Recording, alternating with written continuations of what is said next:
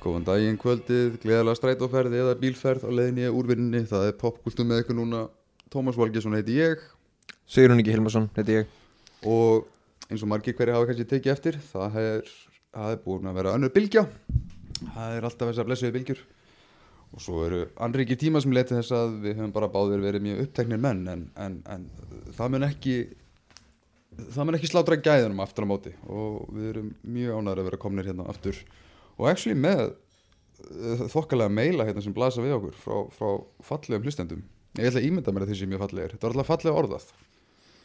En hvað, hvað segir þú Siggi? Hvernig er, hvernig, er, hvernig er þína bylgjur búin að vera? Sérstak, eða, sérstaklega nýlega. Bylgjuna mínar maður. Ágættar sko, ég held það, er það ekki? Það er ekki fínt, Já, er ekki gott að eiga góða bylgjur eða? ég held það En það er alltaf, þú veist, líka sko ókosturinn við það að vera með, vera með svona ákveð heimastúdíó er þegar maður rífur svo heimilið sitt í sundur þá, þá er erfitt að taka upp í sem er, sem er hluti af því sem við hérna, ástæðan fyrir því að við fórum aftur í smá pásu. Ég veit að þetta er sama afsökunum hún átti síðust en ég fór bara í, fór bara í að rífa niður eldúsið mitt í staðin og þá var hérna þá var litla stúdíóið nóða sem geimsla á meðan. Já, ég ætla líka að skrifa þetta eiginlega bara á mig. Ég ætla bara fram með þess að reyna aðeins vera dugleira að plana mig fram í tíman En svo það kem, þegar koma bylgjur og ég, lendi sko alveg í brjálæri vinnutörn og það var svona eiginlega mín, mín afsökun síðast en bara eitthvað svona einhvern veginn, já, frá einu föstudegi og allt í einu komin allt annar föstudagur. Og bara, herri, já, ok, herri, þurfi ekki að gera ósitt það er komin föstudagur. Já, ég man eftir því þegar ég stóð hérna heima og var að gera eitthvað og ég bara, herri, já, það á að vera þáttur komin út. Og við erum ekki búin að taka hann upp. En hérna, allavega, þú veist það er komið aðeins, við erum komin aftur þetta en, en hlustandi verður líka að vita það ég, ég verið það líka alveg í, í lofandi klessu að Sigurjón er með vissa gæðakröfur sem ég get ekki annað en bara búið mikla virðingu fyrir sem er að ég hef stundum stungið upp á því að gera þættinu svona remotely en það gæti bitnað á hljóngæðin þú veist, ég er kannski hlusta á eitthvað erlendur hlaðvirpi þar sem er greinilega eitt gesturinn á Skype eða greinilega er eitt svona aðeins með loðnari hljóðrás. Ekkert svo leis, það er bara, það er bara live eða, eða minnskosti svona príma príma upptökur, Já, ég, sko, eftir bestu getur Já, ég, ég, ég nefnilega, ég, sko, það eru sum podcast sem að ég, bara svona hætti smá að hlusta á í COVID-inu. Það sem að hérna, sérstaklega Conan. Ég var hlustaði mikið á Conan. Já, svo byrjaði hann að fá gestina sína remotely. Já, og fyrsta kortir var alltaf eitthvað how do I make this work? Já. Þú veist þér að gera grína því eitthvað. Og ég eitthvað haha ok, hirtaður. Uh, en svo fattaði maður þú veist að þeir eru stundum svona ekki alveg að ná réttum rithma eitt byrjar að tala undan og svona Mhm. hittu þetta það er bara fyrir töðanar á manni. Um, Já, ég meina það svona, þannig að þú finnir fyrir sérst, hérna, svartímanum. Já, og þeir eru ekki í sama herbergi þú veist það er svona já, ég, já, allar að segja eitthvað? Já, Það er svona þú veist, maður er að gera nóg af þessu í vinnunni hvort þið er sko að vera á Teams eitthvað maður er ekki að hlusta á það líka. Uh, en hérna Svo náttúrulega líka gott líka að Mér finnst þetta líka alltaf svona frekar mikilvægt og þetta var leitt af því sem ég hef alltaf svona haft að ákveðnu markmiði í að hugsa frekar í að nýta það og þegar við höfum eitthvað að segja frekar heldur en bara að vera í mokstri, bara til að vera í mokstri. Þess að það er eitthvað sem stuðað með sérstaklega við íslensklæður það eru hversu margir þættir fara í það að tala um þættina skilur hvað meina, þú veist, þeir eru kannski komni 40 myndin í þátt. Já, við erum hvernig að hólnaði með þáttinn og svona, já, já, en, en að gefa mér eitthvað, eitthvað content. Ekki bara vera að tala um það, mjög margir lendi í þessu með fyrstu þættinu sína. Já, Eitthvað, já, þetta gengur bara allt í lagi þetta erum, við erum samt bara að byrja, þetta er fyrsti þátturinn eða þá og svo bara eitthvað, já, heyrðu, svo er fyrsti þátturinn er búin já, þetta gekk bara allt í lagi. Bara eitthvað, ég má meta það. Þannig að, já, við, við, við, við, og responsið er svona, já, já, þetta, þetta er definitely eitthvað sem að, sem að hérna, þyrfti að taka fyrir. En ég var alveg frekar bæði sjokkurar og ánæður að sjá að það var actually gott respons frá hérna uh, Sax Nighters Justice League þættinum okkar. Já, við höfum gefið tvo út síðan þá en hérna, við, og við höfum verið að peppa og hvetja til meila og ég við, bara eins og, eins og við hefur heyrst ég hef mikið bara hvetja fólk bara til þess að headhunta okkur á Messenger og segja bara já flottur, bara umlið þættir já, þú sökkar eða eitthvað bara þannig að ég get komið tilbaka bara hvernig vissur en, en, en já við fengum við fengum með mitt hérna, við höfum verið að fá smá inn á uh, kvikmyndarátt kvikmyndameilið og ég datt í hug bara svona tilbreytingana vegna að leifa, leifa þér að taka fyrstu skilabúðin já, á ég ekki að lesa hérna Saksnæðið úti Jú. Uh, Ok Ok, uh, þetta meil er frá hann Brynjóli Guðmundsinni bara takk fyrir að senda okkur. Sæli drengir, mér langaði bara að þakka ykkur fyrir góða umfjöllun á Zack Snyder's Justice League. Uh, Eitt innslag þarna sko það kemur ótrúlega óvart bara satt að segja áhugin sem ég hef fundið í nær umhverfinu fyrir fjögura klukkutíma Justice League mynd. Finnst það geðvegt bara fólk í, í vinnu og, og fólk sem ég hitti og svona fólk er bara, það eru allir að tala um þessa mynd. Þú ert líka umkringdur betra fólki en ég sko en ég kannski er meiri kringum svo polarized hópa. Mér finnst ég oftast þurfa að selja þeim tilvísunum af hverju þið þurfa að horfa á þetta. Ég vildi óska að ég var að nær þínum hverju sem er enda bara, ég horfa á þetta, þetta er geggjað. Finnst ég yfirleitt, yfirleitt vera sá sem þurfa að vera, en, að vera að enabla fólkið.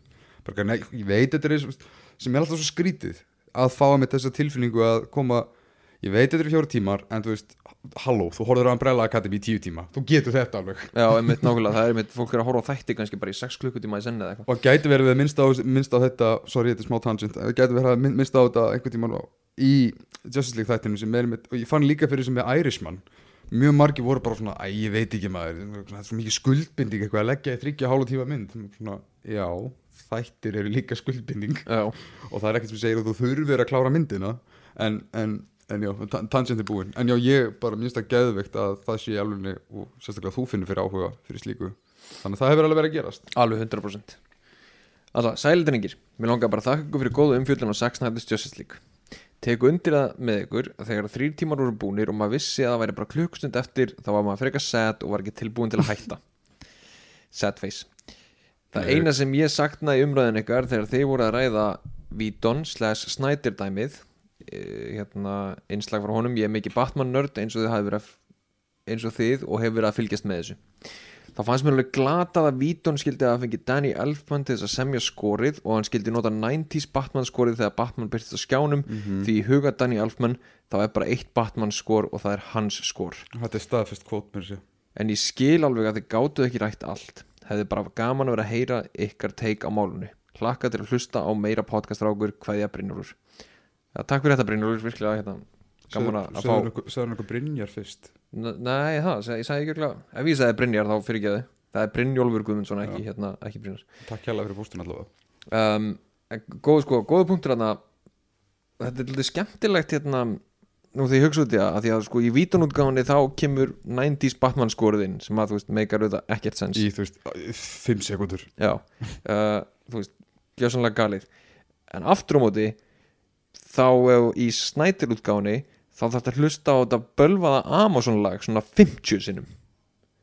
Eh, Ég taldi 7 En ég skil, hvað það fara, já. Þannig að þú veist, ok En ein en- ertu útgáfan búin er að gleyma því samt að í Justice League að þá var líka soundbite úr gamla Superman-læginu já, ég, ég, ég, sko, ég náttúrulega horfði á þá mynd einu sinni og bara einn Já, ég veist, þetta er náttúrulega fárlega spurningarspyr Ertu búin að gleyma því úr 2017 Já, auðvitað, allir ég að vera búin að gleyma því. En þá er ég að bæta því við, já, já, þú veist, þannig að þetta far sem nær lengra. Þannig að það var nota bæði gamalt Batman lag og gamalt Superman lag í þeirri mynd. Já, eða svona til að gera langa svo stutta hvað þetta varðar. Og, og já, hann, hann gefur í skinn hann í meilinu að sérst, af hverju er Joss, uh, Joss Whedon að fá Danny Elfman til þess að butchera? Er henni skori sem var nánast uh, langt komið slash tilbúið. Mm -hmm. og en eins og, eins og við fjöldluðum um þau höfðu bara engan tíma. Þau þurftu að klessa saman nýri mynd bara yfir, yfir mitt sumarið 2017 og ég er búin að vera svolítið að velta þessu fyrir mér sérstaklega síðan ég sá þetta mail og ég hef verið að pæla svolítið í þessari umræða með að það er partur sem hugsa bara "Dísk, Danny Elfman, nei, þú veist, you were the chosen one þú veist, einn af þessum góðu, þú veist, þú hefur virkilega gert eitthvað íkonist og hvað ert að, þú ert að sverta því með þessu og hjálpa að eðilegja Junkie XL, hérna, or orginal skorið? En ég held að þetta hafi bara verið gig fyrir honum, ég held að það sé ekki þetta blame hann fyrir tímaraman sem hann hafði og hann, hafi, hann hefur örgla bara verið að taka við nótum. Stúdíu segir bara, gerð eitthvað, ger eitthvað rest. Þú bara, "Heyrðu, ég þarf aðeins meiri tíma. Getur ekki tekið bara hérna? Heyrðu, þú samti nú Batman skorið eða ekki? Jú, og, og þetta er alveg satt, það sem að Brynjólu segir. Elfman hefur sagt í viðtölum eða í viðtali, það er bara eitt Batman-lag, sem er ótrúlega ég skil hann en þú veist, þetta er samt svolítið ja, ég er nú maðurinn, já, og, hann toppar ekki um kallinn. Og svo með þegar Henry Cavill hana, er endurvakin hana, í, í theatrical útgáfinni þá er mitt svona spilaðir smá bút af stefjunum úr gamla John Williams skorinu og þegar myndin kom út úr sín tíma og ég var bara eitthvað svona, ok, vá við sérst, erum við komin hingað, er þetta bara svona remix kynnslóð af bíómyndum sem við erum að finna fyrir? Það sem að, það skiptir einhver máli hvað tilherði hvaða tón. Við erum bara, þú veist, eitthvað svo gegn sósa af því að, út af því að það er bara komið í kosmosin, þetta er Batman-lag mm -hmm. skilji, bursið frá renditionum eða tólkunum, það er bara, já ok, þá á þetta þetta Batman, mér fannst þetta alltaf fáralegt ég þóldi náttúrulega ekki gamla skorið og ég skil kvartarindar yfir Amazon skorinu mér finnst Amazon skorið reynda flott. Það sem ég hefði kannski geta verið án það er að kjúa það akkurat þegar Wonder Woman er að fljúa inn í ramma með open kjaftir eins og hún sé að taka einsöngin maður skemmtur þessu. Nei. Hún flýgur inn í ramman og alltaf með opið munur með svona, þetta, þetta, þetta kallast alltaf bara warcry. Já, en það kemur alltaf undir kórusnum. Félagið minn sem að horfa hana með mér og, hérna, og nú ætla ég að gefa merkjum það hvað ég lifi rosalega óheilbriðu lífi. Ég er búin að horfa sem við tresu sinum eitt, eitt skipti sem að hérna, já, að horfa á hana eitt skipti með félagið mínum var bara dásamlegt. Hann sprakk alltaf í hlátur þegar kom hann eins og það væri, svona, eins og þetta væri hennar söngur. Sérstaklega því við höfum ekki heyrt þetta áður. Það er mjög gott vondu, eh, til sko. Já, já, já, en, en það er náttúrulega notað. Og ég fíla það hvernig, hvernig Junkie XL skorið með þræðir það inn í inn í myndina, veist, það byrjar þetta ánáttúrulega að vera allt rosalega svona operadíst og þetta á að vera rosalega svona svona, svona já, svona, hvað sem er svona, svona mythical, svona, þetta eru valkyrju heimar. Og það leiðir inn í Hans Zimmer þarna rockaða Wonder Woman lagið Já. í, allavega í, já, í, í útvöldum tilfellum í myndinni. Þannig að en já, af tennu illu burt með, burt með Danny Elfman útgáðuna alltaf.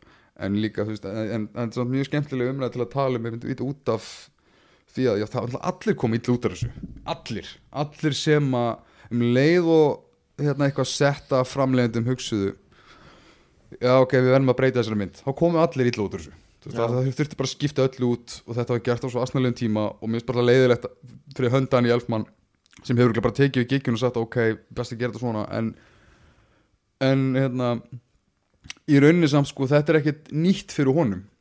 Hann hefur oft þurft að gera það og hann hefur meiri sér reyndar skilst mér líka lent illa í því. Þú veist, það er ástæða fyrir því að Daniel Elfman samt ekki uh, tónlistina fyrir Spider-Man 3 til dæmis í Sam Raimi trilógíunni. Hann gerði tónlistina fyrir fyrstu gerði megnið að tónlistina fyrir nummer 2 en svo skilst mér að þeim eitthvað stangaðist á.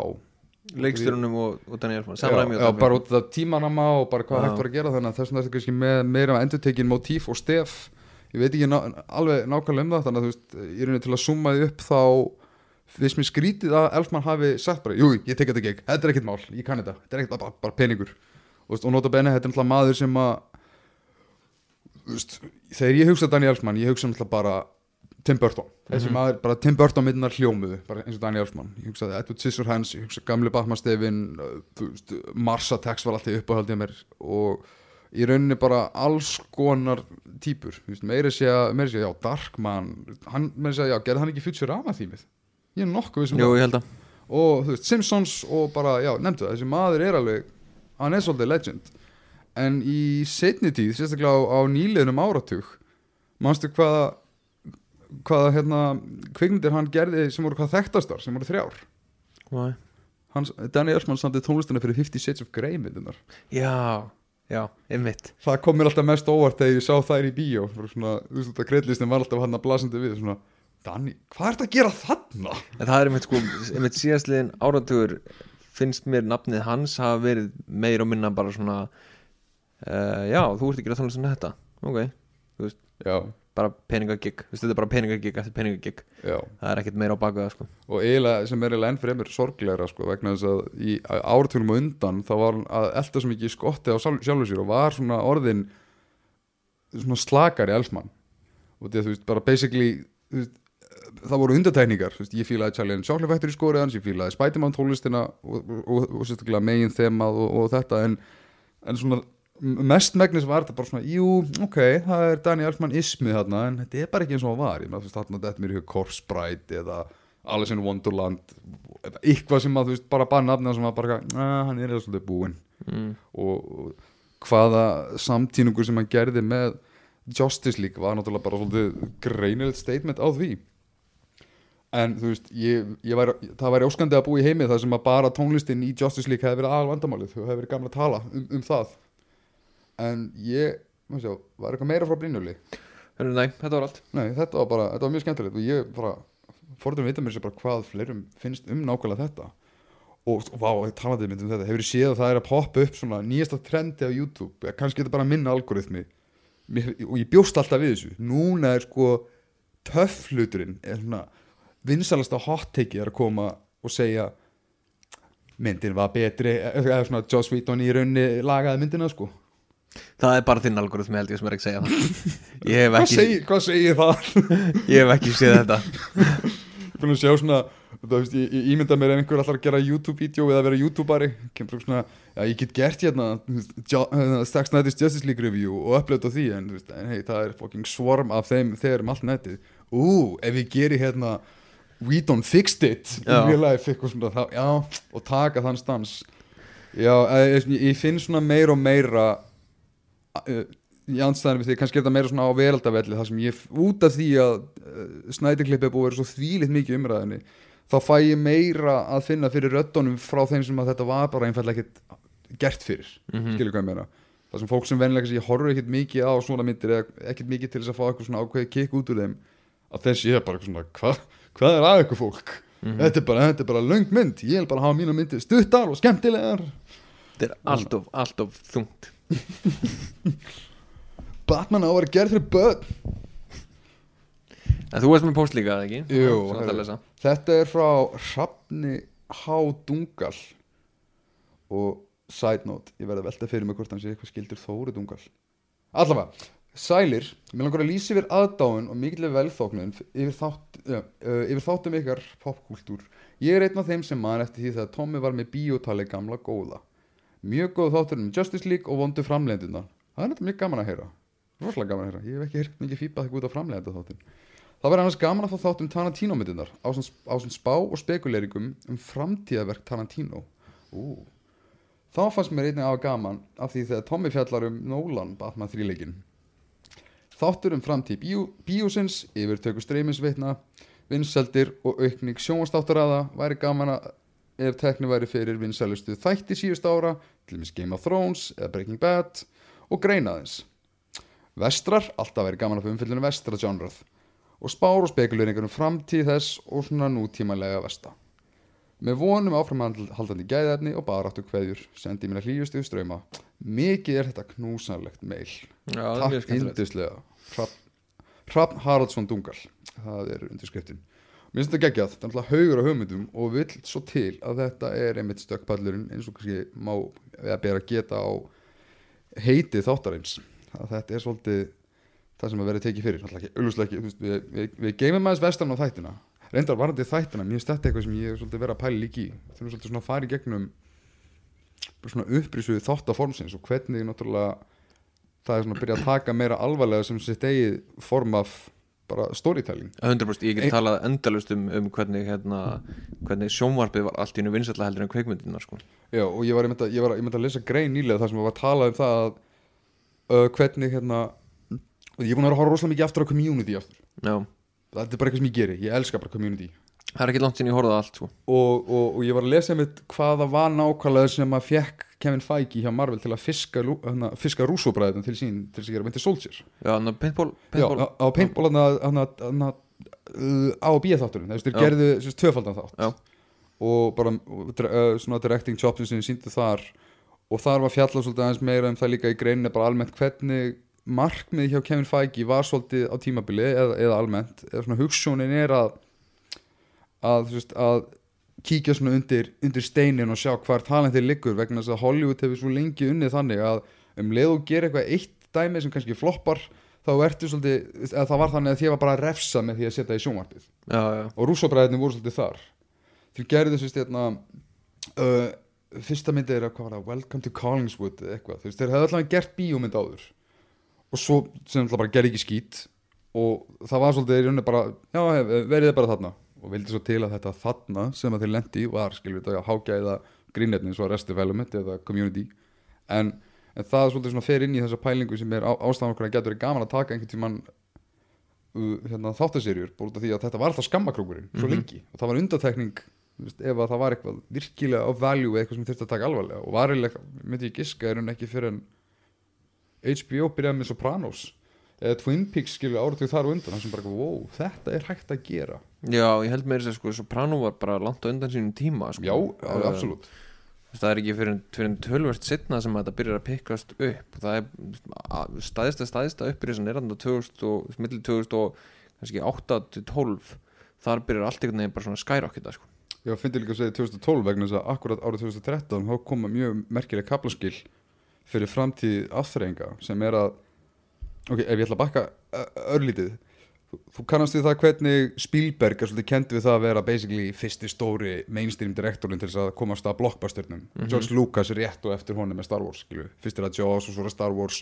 Og þeir eru oft svolítið kendi við það að vera svolítið svona feður svona blockbustersins eða í rauninni svona þróunar, ákveðina þróunarstiga í, í, í kvikmyndagerð hvort sem það er brellu aspektin og þetta og svo ertu með Þinn Tarantino eða Rich, Rich Linklater eða, eða Kevin Smith jafnvel sem eru svona að komast að ákveðinu indie-reyfingu en ára 2013 þá kemur eitt snillingur sem alveg markar sín spór sem ég veist aldrei nægilega oft talað um hvað hann var í rauninni uh, kannski á undansinni samtíð en á réttum tíma og gerði eitthvað sem að hafði aldrei verið gert.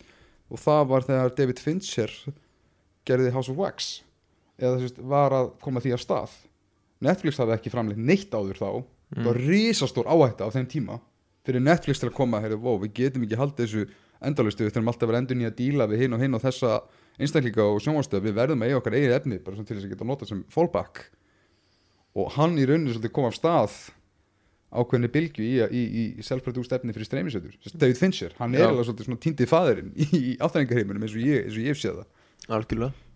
Og, hérna, en til þess að aðeins að koma inn á uh, það sem að nefnir í póstinum. Það er, við ætlum aðeins að ræða mitt tvo sérstaka ótúra og ótúrdirektor eins og segir, það er, það er í rauninni að svona reglívar heitið fyrir það hvernig er að vera í hvern, hvað, hvað þetta þér í hug þegar þú hugsaður ótúr uh, bara svona uh, listamaður með sín.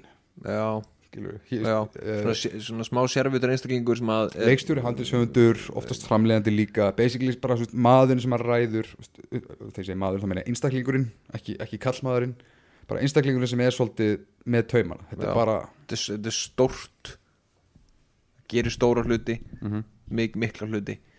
Um, en eins og segir með, með því fylgir oftast smá sérviska sko sem að hérna, við fyrir maður út í.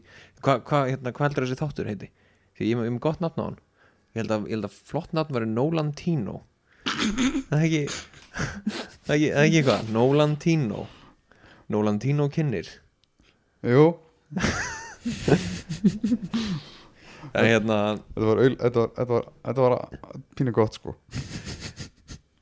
En við, við ætlum sér staðins að þú veist, ég- ok, þetta eru tveir stór eitt, eitt, þetta er eitt risastór big budget sko í dag allavega, big big budget Hollywood leikstjóri Kristoffer Nolan. Já, ég ætla að segja, og Nólan Nei, ég ætla að súmera á þú heldur á þetta. Veist, til- til að- ég ætla að svona dummify þetta. Ok, þetta eru basically uh, þekktustu rockstjörnu leikstjórnir eða með þeim þekktustu sem eru kendi við það að gera bíómyndir sem eru virtar og ekki bara þú veist, við erum að sikta út hérna Michael Bayana og, og þessa gæði sem eru eða, eða einn af mínum uppáhald sem er Paul Thomas Anderson. Bara sorry, Paul Thomas Anderson gerir allt of fráfælandi myndir til þess að geta átt sens í þessu umræðu.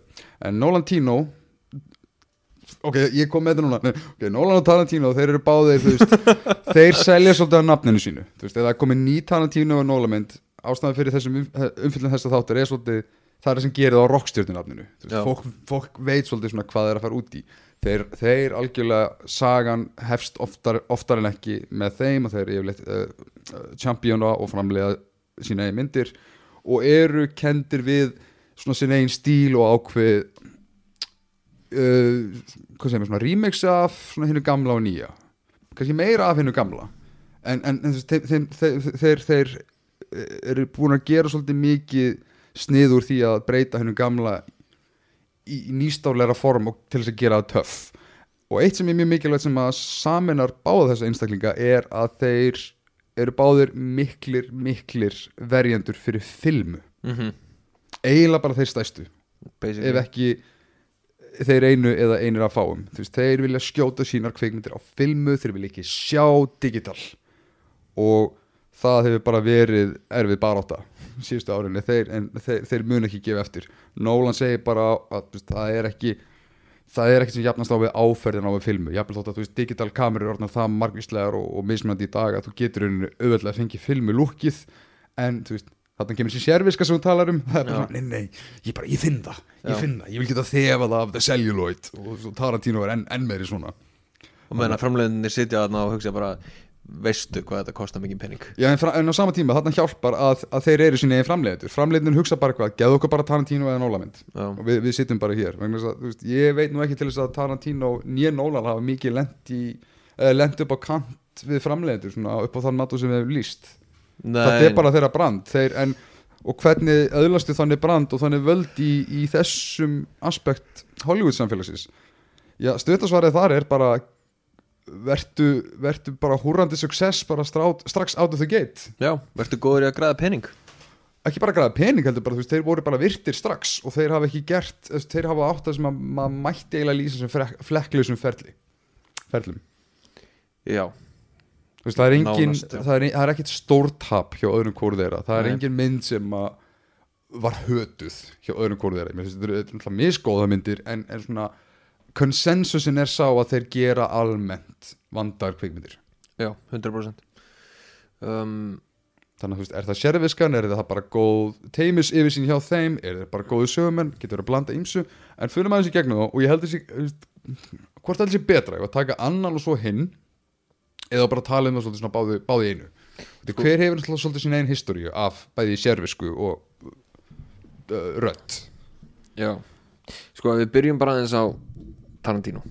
Já, af því að hann er hann er uh, hann kom fyrstur. Já, og hann er líka sko hann er lægra budget gæinn af þessum tömur já, 100% um, einhvern veginn þegar þú horfir á Tarantino myndir í gegnum árin og meira þess að þegar líður á þær þá ertu samt með svona einhvern veginn þá pælingu að þú veist, ok, þessi mynd kosta ekkit svo mikið pening. Já, já. meira þess að þú ert komin í Django og Hollywood Mhm. það Once Upon a Time in Hollywood þú veist, þú sér það að þetta, þetta er ekkit stórbudget myndir sko. Nei, þetta eru stærstu myndan hans sem kostu cirka bát í kringum annarkvort rétt undir eða rétt yfir 100 miljónir dollara sem er í raunni helmingur eða þriðjungur af því sem Nolan gerir í dag. Já, nákvæmlega. En það er rétt, þannig að Tarantino er eða strax svolítið, svolítið komin þar. En, og líka til að gefa smá samíkja á þegar Tarantino kemur sjón, sjón, sjónasviðið það er ekkert í líkingu við já, þessi bara ég, ég er ekki djóka með þetta, með þetta rockstjörnu dæmi þessi, hann eiginlega var með þeim ok, alls ekki með fyrstu en hann allavega kom því svolítið í, í nýtt hérna, nýtt samingi sérstaklega með indie-bylgjunni upprisunu í indie myndum sem að gerði svona í byrjun 90s tíma þetta er, er ástæðan fyrir því að 90s áraturinn er eitthvað mínum uppáhalds allra uppáhalds í kvikmyndasögunum þetta er bara svo, þetta er svo gonso furðulegur pakkaður áratugur mm -hmm.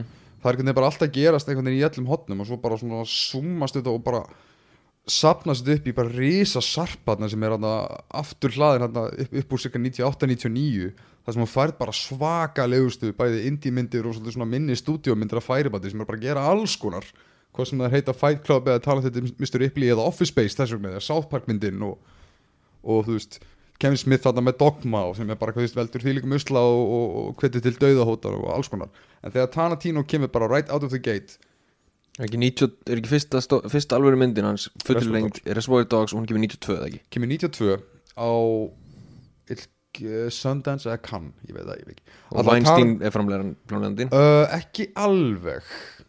Er Miramax ekki að budgeta þá mynd eða? nei, sko, ég, ég er ekki frá því að hann hafi einhvern veginn komið að því en, en, en nei, það var ekki eins mikið veist, þetta er ekki Miramax, Mir- Miramax myndin Nei, ok. Og miklu meira svona aðeins, aðeins svona sjálfstæðir en, en mér skil samt að það hafi verið eitthvað network við, við Weinstein en, en það, sem, það kemur svo sem ekki öll við. En þegar Reservoir Dogs kemur út eða er, er afhjúpuð á kvikmyndaháttíð þarna bara springu það út um, um svona kosmósin sérstaklega innan við veist, já, fjölmila og, og afturrengar fréttamanna að þetta er bara einhver til þess að fylgjast með. Það var bara ekkit í líkingu við Reservoir Dogs á sínum tíma og ég get skilið það fullkomlega. Já, ég meina þú ert með sko ok, þú ert með svona fast talking witty handrit í fyrsta lagi sem að bara virkar ógeðslega vel. Já. hún opnar á því að það er verið að tala um hvað Madonna er að tala um Já. í laginu Touch Like a Virgin sem er bara rosalega fast talking hérna, atrið sem að fessu yfir í, þú veist, I don't tip veist, hérna, þjónana. Þannig að hún er strax byrjað að láta þær hlæja og hún er strax búin að láta það líka vel við hópa gæjum sem að þú veist ekki alveg hverjir eru en kemur ljós að þetta eru glæpmenn já, þeir eru að fara fremja bankarán búm, fara aldrei að sjá ránið. Já, bara strax mjög stór áhætta sem að þú veist, ef að þessi mynd hefur framleita stór budget Hollywood prodúsurum mhm. ekki sjens Já, hann, Tarantino basically sagði ég gerði hæst mynd en við sjáum aldrei hæstið Já. við sjáum allt í kringum það. Og mér fannst, það er það er náttúrulega bara briljant og galið. Og líka það sem ég get ímyndað með þessi opnuna síðan að hafi svolítið stabiliserað er að fólk hugsa, ok, ég er að fara að horfa á glæpamynd ég er að fara að horfa svona, töff, svona töffara mynd og svo er hún bara svona veist, minna, þú, veist, þú segir þetta í dag eins og þetta sé rúslega eðlilegt sem þetta er, bara, já, hann er bara að tala um skilur hvað Madonna er að tala um í Touch Like a Virgin.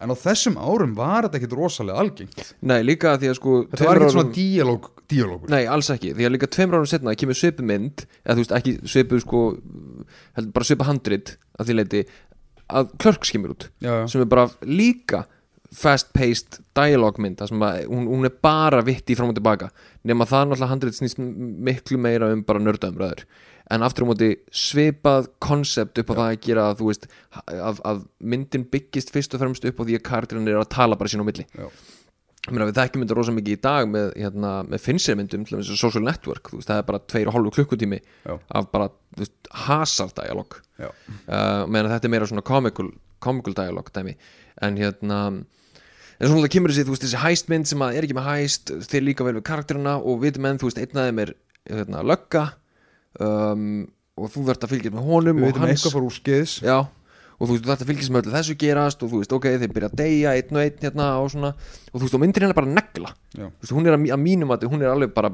topp, eina topp hérna, uh, Tarantino myndunum ég hef hort á hana margóft, hún er, mér finnst hún algjör snild.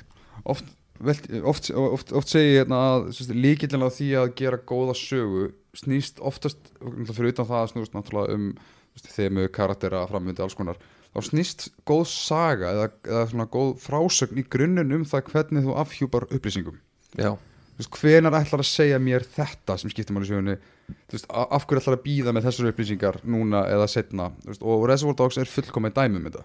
Upp á sena þegar það gerir sig klára credits, sen eftir credits það er allt komið í fokk, það blæðir hérna eitt gæi í aftursætinu og, veist, og síðan veist, það- bara, bara það að horfa myndina og sjá hvernig hún flettir að því núna ætla ég sína þér hver löggan er.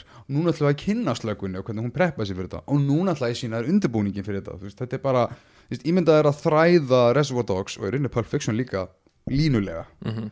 og þetta var bara eitthvað sem bara, algjörlega bara sló fólk út á læginu á sínum tíma. Það er ekki bara rithminn og röddin heldur bara struktúrin fólk var bara að wow, wow, wow, hva, má þetta í bíómynd? Nákvæmlega. hvað er þessi típiski þrykkja struktúr og, og Tarantino alveg bara strax out of the gate og mjög uh, vókal með að svara þessu sem bara já, ef ég var að gera þetta sem bók engin myndi segja neitt, neitt, Vi, við erum vönus í bókum. Já, hann, hann landa, þú veist, alveg veist, hann bara sniffaði hérna Elmore Leonard hérna sögur, skiljanlega hann alltaf snildar höfundur og, og vildi eða bara, og var lengi þú veist, bara gæðin í videolegunni sem bara, af hverju er enginn að gera svona myndir maður, af hverju er enginn að gera svona ég ætla að gera þessar myndir, ég ætla að gera þetta svona. Og já, þannig að þú veist, Tarantino bara næst strax þessum hita. Allir eru bara, ok, hver er þessi gæi? Við þurfum að fylgjast með honum. En þið þá getur þið fyndið að Memento er fyrsta myndin hans Nólans, fyrsta fullmyndin sem að líka, já, já, já, sem líka tekur sama konsept að því leiti að hún er ekki að spila með línulega sögu. Þannig og, og sko, Já, algjörlega og líka það sem að pinpointar þessar tvær myndir svo vel Memento gerist náttúrulega tæknilega séð öfugt. Gerist í skeifu, ég hef alltaf líst í þannig. Þú gerir bæ, gerist bæði aftur og bak og áfram. Já, sem er mjög, þú veist, að horfa hann í fyrst skipti getur verið og, og, svona já, og mætast í lokin og það býtir skeifuna. Já, já, já, já, það, já það, það, er, það er mjög góða punktur í þær um, Báðar þessi myndir leika sér með frásögnuna á, á hérna, því sem gerist og frammynduna á sögunni. En það sem að pinpointra 100% er náttúrulega það að þetta er bæði ótrúlega vel gert. Þú getur gert þessa mynd. Og hvort tveggja er teik á mjög gamaldi klísju Já, emitt og þú getur gert þetta saman þeir gerðu og floppað hörmulega. Já, en þeir gerðu það ekki. Nei. sem að svo basically leggur veginn fyrir restina af ferlunum þeirra sko. já, sko þeir koma líka bara ógeðslega öryggir út úr þessum þessum, þessum blowout myndum sínum og, og með margir er bara hvernig fórst að þessu, þeir eru bara eitthvað þetta er bara sagan sem ég vil segja, veist, Mhm. Nóla myndi svara bara eitthvað, já, mér fannst þetta bara áhugavert að segja þetta svona.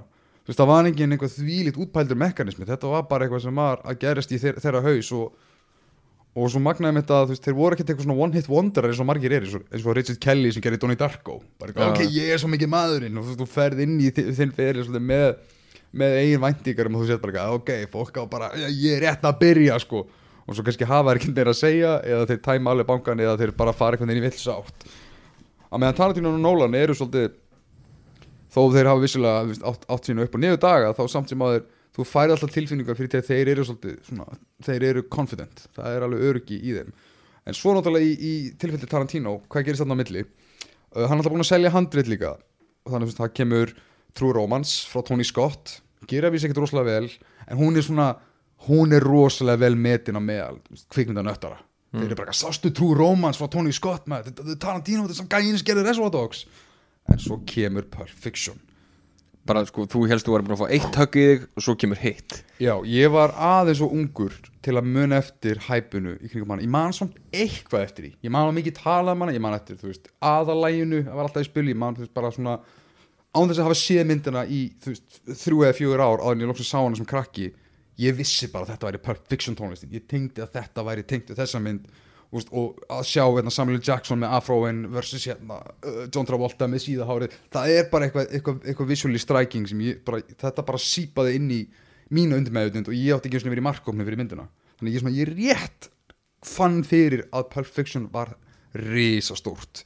Og það er ekki hægt að understata það. Þegar hún kom, fólk var bara eins og með viðbrjóna Reservoir Dogs bara sinnum fimm. Bara býttu, wow, wow, wow, wow, wow veist, ekki bara er þetta í rauninni það sama þetta er bara svona, já, glæpamynd sem samt leggur áherslu á svona the mundane, kemur samt á óvart þegar hún, kann, þegar, þegar hún þarf að koma á óvart er svona rosalega prakkarileg skilur þú fær Kristoffer Walken eða bara fucking dýrhandur leikaran til að veist, koma inn í eina senu að tala um ferðalagi hjá einu gullúr í raskatin á sér. Og, og þetta virkar og myndin fær þú veist, uh, gullpálman og kann og það bara, þessi maður er komin í legendary status og hann playaði sig sem rockstjörnuna. En þú veist, Pulp Fiction var gerð fyrir lítinn pening og hann hefur síðan þá í raun alltaf svona kunna skala sér rétt upp og, og já, þannig að hann bara, já, hann var algjörlega maðurinn. Þannig séu, og svo fór svo að leika og skrifa eins og hérna í From Dusk Till Dawn og hann fór að sem er Hún er vei mjög Dustin Dawn, virkilega góð. Og þú veist, voru að poppa upp í cameoum hér og þar, ég man eftir því þú veist, myndir eins og Girl 6 eftir Spike Lee og hérna, Destiny Turns on the Radio þú veist, það bara, allir urðu að fá eitthvað svona smá Tarantino til sín og meiri segja ég meina Four Rooms, maður stættur henni? Nei, það var einmitt svona eitthvað sem var rosalega mikið einmitt svona hæpað, bara ok, þú veist, það er með fjóra stuttsugur og tværaði með mitt eru til dæmis frá Rodríguez og Tarantino. Hún er alltaf lægi, sko, þeirra sögur eru fínar. Þetta er ekki góð mynd annars en, en, en þetta síndi bara svona að bara það að setja nafnið, eða, nafnið á Tarantino einhver staðar, þetta var bara, þetta var að fara að segja eitthvað, þetta var bara gjörsamlega nýrödd í kvikmyndagerð sem vildi svo til að vera að hitta vel ofan á Indiaöldina þó svo hann hafi verið að, aðeins að rísa ofarinni en hann var orðin svona leiðandinn af því hvað er ný kvikmyndagerð sem er að fara svo inn í digitalerað og meira og meira indie að fara að, að, fara að deliver okkur. Og Tarantino kemur að búm búm búm með þrjár neglur sem er allar glæpamyndir. En á meðan allir eru síðan á svipum tíma að gera sínar glæpamyndir og svolítið svona að reyna að gera sinn Tarantinoisma það er endur eitthvað sem ég man eftir. Það er að þú veist, ég var ekki nógu veist, ég var of ungur til að finna fyrir því þegar Tarantino var að byrja en ég man eftir Tarantino rip-off myndunum sem komið bara í bylgjum hvaða myndir til dæmis? um, sko besta dæmið þar er hérna uh, svo Go sem er þetta skemmtileg veist, eftir Doug Lyman það sem basically þeir tóka bara nákvæmlega svolítið Pulp Fiction struktúrin. Það er svona þrjár sögur sem að skerast á nákvæmlega svona. Með þessi íslensk kvikmyndagerð tók þetta með Fiasco nákvæmlega sami struktúr Boondock Saints er svolítið mjög mikið svona við erum að reyna að vera svolítið svona Tarantino í bland við Já, svona, svolítið svona hippa Scorsese eitthvað.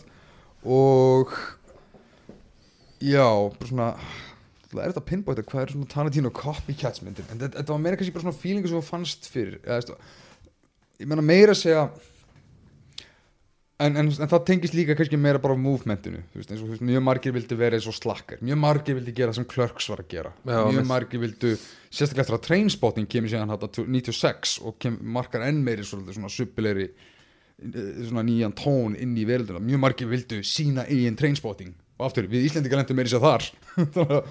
Hvaða mynd myndir þú segja? Blossi, Óskavett þjóðurinnar þú horfður á þessum myndir bara eitthvað, vá, einhver horfður Trainspotting. Já, en, hérna, en svo er mitt út af því að við vorum fann að fá svo boksaða mynd af því hvað gerir Tarantino mynd að Tarantino mynd þá var hann að hugsa ok, ég þarf að levela mig upp. Já, líka sko að því að þú veist, Reservoir Dogs er hérna hún er, hún er, hún er quippy, hún er skemmtileg en hún er samt, þú veist uh, það er alveg hasar í henni að því, það er alltaf glæpamynd. Um, færum okkur yfir Pulp Fiction og Pulp Fiction að mínum að því er hasarmynd í grínmyndahandriti að því að þetta er saga um alvarlega eða þú veist eðlilegt fólk og þá meina ég þú veist eins og hérna Samuel. Jackson og hérna og hann hérna Travolta. uh, já, Travolta eru til dæmis, þú veist, þeir eru hitmenn leigumóningjar þeir eru ekki eitthvað svona wacky inflatable tube menn, þú veist, leigumóningjar sem að þú veist lendi í einsum ævintýrum þeir eru bara gæjar sem eru leigumóningjar og það er bara vinnan þeirra en þeir lenda í comically skrítinni aðstöðu. Já. og það, það gerist í öllum þreymur sko sögunum sem eru sagðar, þú veist Bruce Willis lendir hérna í einhverjum, einhverjum sex dungeon. Og, veist, og, og, og, hérna, og þeir skjóta hérna á vart gæjan og þurfa að skipta um öll fötin og allt svona, þetta er, er, er hasamynd dulbúin sem grínmynd. Í rauninni sko, ég held til þess að, til þess að að varpa ljósa það, ég held að þetta sé þannig að sko, ég, ég las aldrei mjög mikið svona pulp skálskap sem er nákvæmlega sem að það tíunar vitna í, en hann viljandi með tók svona formúlur svona Bruce Willis hann er gott dæmi. Þetta var bara, þetta var bara ólgandi klísja að koma, hér er gæinn sem þarf að taka fallið fyrir mobbossin hvað gerist ef hann gerir það ekki? Og svo bara stingar á hann með peningana. Og hvað gerist ef hann lendir í 16 dungeon? Já, og svo átti að vist að vera rosalega mikið tróp þarna í sögun og undan að þú veist að þurfa að degra við svona uh, the, the boss's wife. Og hvað ef að það fer bara algjörlega í steik? Og svo er mitt þetta bara þetta með að þeir eru bara eitthvað að keira frá jobbinu með hérna, hérna markið sitt í, í skottinu. Og hvað gerist bara ef að hann kannski hleypar að byssunni? Já, og, og það sem ég Pulp Fiction tappar svolítið vel inn á og það er eitthvað sem var bara alls ekki þekkt á þeim tíma en hefur verið margsind sko spúfað og gert grína og er orðið tróp út af fyrir sig sem er það sem kallast the existential hitman og það hefur verið mjög mikið gert grína eins og sérstaklega eins og í, í, í samíki Star Wars svona the existential stormtrooper. Mhm. svona tveir gæjar bara eitthvað svona býðið til skipunum bara, heyrðu, er eitthvað svona pælt í hvort að erum við góðu gæjarnir, erum við bara svona af hverju erum við að gera þetta? Það er hérna, einmitt Veistu eitthvað um þetta? Ekki spyrja. það er, ein mynd sem er mjög góð í þessu. Það er hérna myndin sem hann Pírs Brosnan gerði eftir að hann var bond. Matador, Matador. hún er svo skemmtileg. Hún er frábær, það er existential, hitman myndin. Það er bara súmynd, hún er geggjuð og þeir eru hann bara skilur, þeir eru á le- flesta myndir á þessum tíma myndu hugsa að þú ert að gera mynd um hitman að það er bara hvað skiptir máli? Hitmann er komnir og þeir eru alltaf að fara að buffa einhvern eða skjóta einhvern. En þarna tegur Tarantino sinn tíma og segir bara nei, nei, við ætlum að vera með þeim í bílnum. Og þeir eru bara að tala um Amsterdam og hambúrgara og fótanutt og en sko, svo eftir henni þá kemur Jackie Brown eða ekki? Já. sem er líka önnur svona glæpmynd með svona komisku ívafi en glæpa mynd fyrsti. Já, en, en klálega ekki vinsalta mynd hans by far. Mhm. um, en eftir þá mynd mitt, þá er kemur eiginlega þetta að hann þurfa að toppa sér þetta mikið sko, því að copycat myndin er að byrja að koma. Og eftir það kemur þá ég fletti bara upp nokkrum copycat myndum ég var nú stenglega með helmingum að þeim ég er samt búin að sjá þær flestar. Viltu heyra nokkra? já, skelltum ok, þessi hérna ég, ég bara, ég hrað googla hérna uh, Tarantino rip-off movies eða copycats. Það er Killing Zoe eða Killing Zoe held ég sé, sem er frá Roger Avery sem einmitt skrifaði eina söguna eða það er eitt sem gleymast á því Pulp Fiction. Hann er að Tarantino skrifa hann í geit. Roger Avery skrifa hann með honum. Og hann fór setna meir að gera actually bara mjög fína hluti. En svo er þetta mynd sem ég, já, Love and the 45 sem ég minnir að hérna uh, hvort það verið René Selvegar sem var í henni. Things to do in Denver when you're dead með Andy Garcia The Immortals frá 95 Two Days in the Valley ég man vel eftir henni Freeway 96 U-Turn, mjög sem ekki alveg eiga heima þarna en þú veist, en en já, veist, ef, ef, ef einhver staðar er einhver hlustandi að núta er svona mann hulstrinn af þeim frá gamli vídeolögunum þá bara svona, já þetta, þetta lítur út eins og Tarantino mynd já, þannig að það er eiginlega svona einu skipti máli. En einmitt sko til að bæta þess við með þetta með Jackie Brown er að Tarantino hugsaði, ok hann var mörgum skrifum á undan öllum. Hann hugsaði hann bara, ok ef ég er rockstjarnan eftir Pulp Fiction hvað gæti gerst? ég gæti gert aðra mynd sem er að reyna að vera Pulp Fiction. Mhm og fólk er svolítið að búast við því. Fólk er að hugsa, heyri, hvað er næsta Pulp Fiction? Já, þeir vilja fá þessu tilfinningu aftur. Þannig að hann hugsaði hvað myndi ég, veist, hvað hafa leikstur að brent sig á? Jú, þeir elda svolítið skuggan og skottið að sjálfum sér. Þannig að hann sa- fór inn í Jackie Brown með hugufarinu ég ætla að gera myndina ég ætla að gera þroskuðustu mynd sem ég er með nokt sem að gera á mínu ferli. Myndina sem flesti myndir búast við frá mér þegar ég er svona cirka 50 auðkomar 50-60 aldurinn svona midlife crisis myndin. Já, og, og, og, og tekur adaptation frá einmitt Elmore Leonard. Og ástæðan fyrir því að Jackie Brown var aldrei svo vinsalasta vegna þess að hún er bara kammo hún er bara gett slög, bara svona fólk að hanga og svona ekkit, ekkit rosalega intense en hún er samt rosalega human alveg skemmtileg. Og hann er svolítið svona, já, hann bara stóð fast við það að þetta er myndin sem að í rauninu hann ætti að hafa gert í dag ef hann hefði gert þessa mynd í staðan fyrir Hollywood. Fólk væri bara eitthvað, já, þetta er bara svolítið þroska hjá hann já, ok, hann er svolítið svona, já, flottur kallinn. En svo er mitt komið með þetta að hann bara fór eldast við sína einn ímynd og hugsaði, ok, ef að fólk er að tilbyða mig svona mikið fyrir það hvað ég er mikill snillingur ég verða up my game. Vist, ef ég er að horfa upp til hérna veist, John Woo og One Car Wai og alls konar gæja sem að ég virkilega, virkilega dyrka ég verð svolítið að eiga sensi þá veist, og þá kemur Kill Bill þá kemur Kill Bill sko. sem er bara eitthvað uh, þú veist, hvað sem er svona æfingasalun hans. Hann er bara eitthvað, ég vil ef ég ætla að gera Kung Fu action mynd ég vil gera eina flottustu Kung Fu action mynd allra tíma. Og þá, einmitt, þá kemur líka sko, þar, þarna kemur nördin.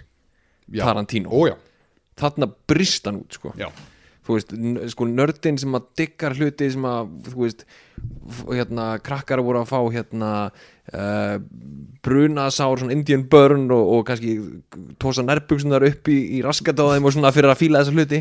Ég held reyndar að Tarantino svona hafa örgulega verið einn Já, líka bara alveg, hund, alveg 100% sko. Hann lappar að hann út.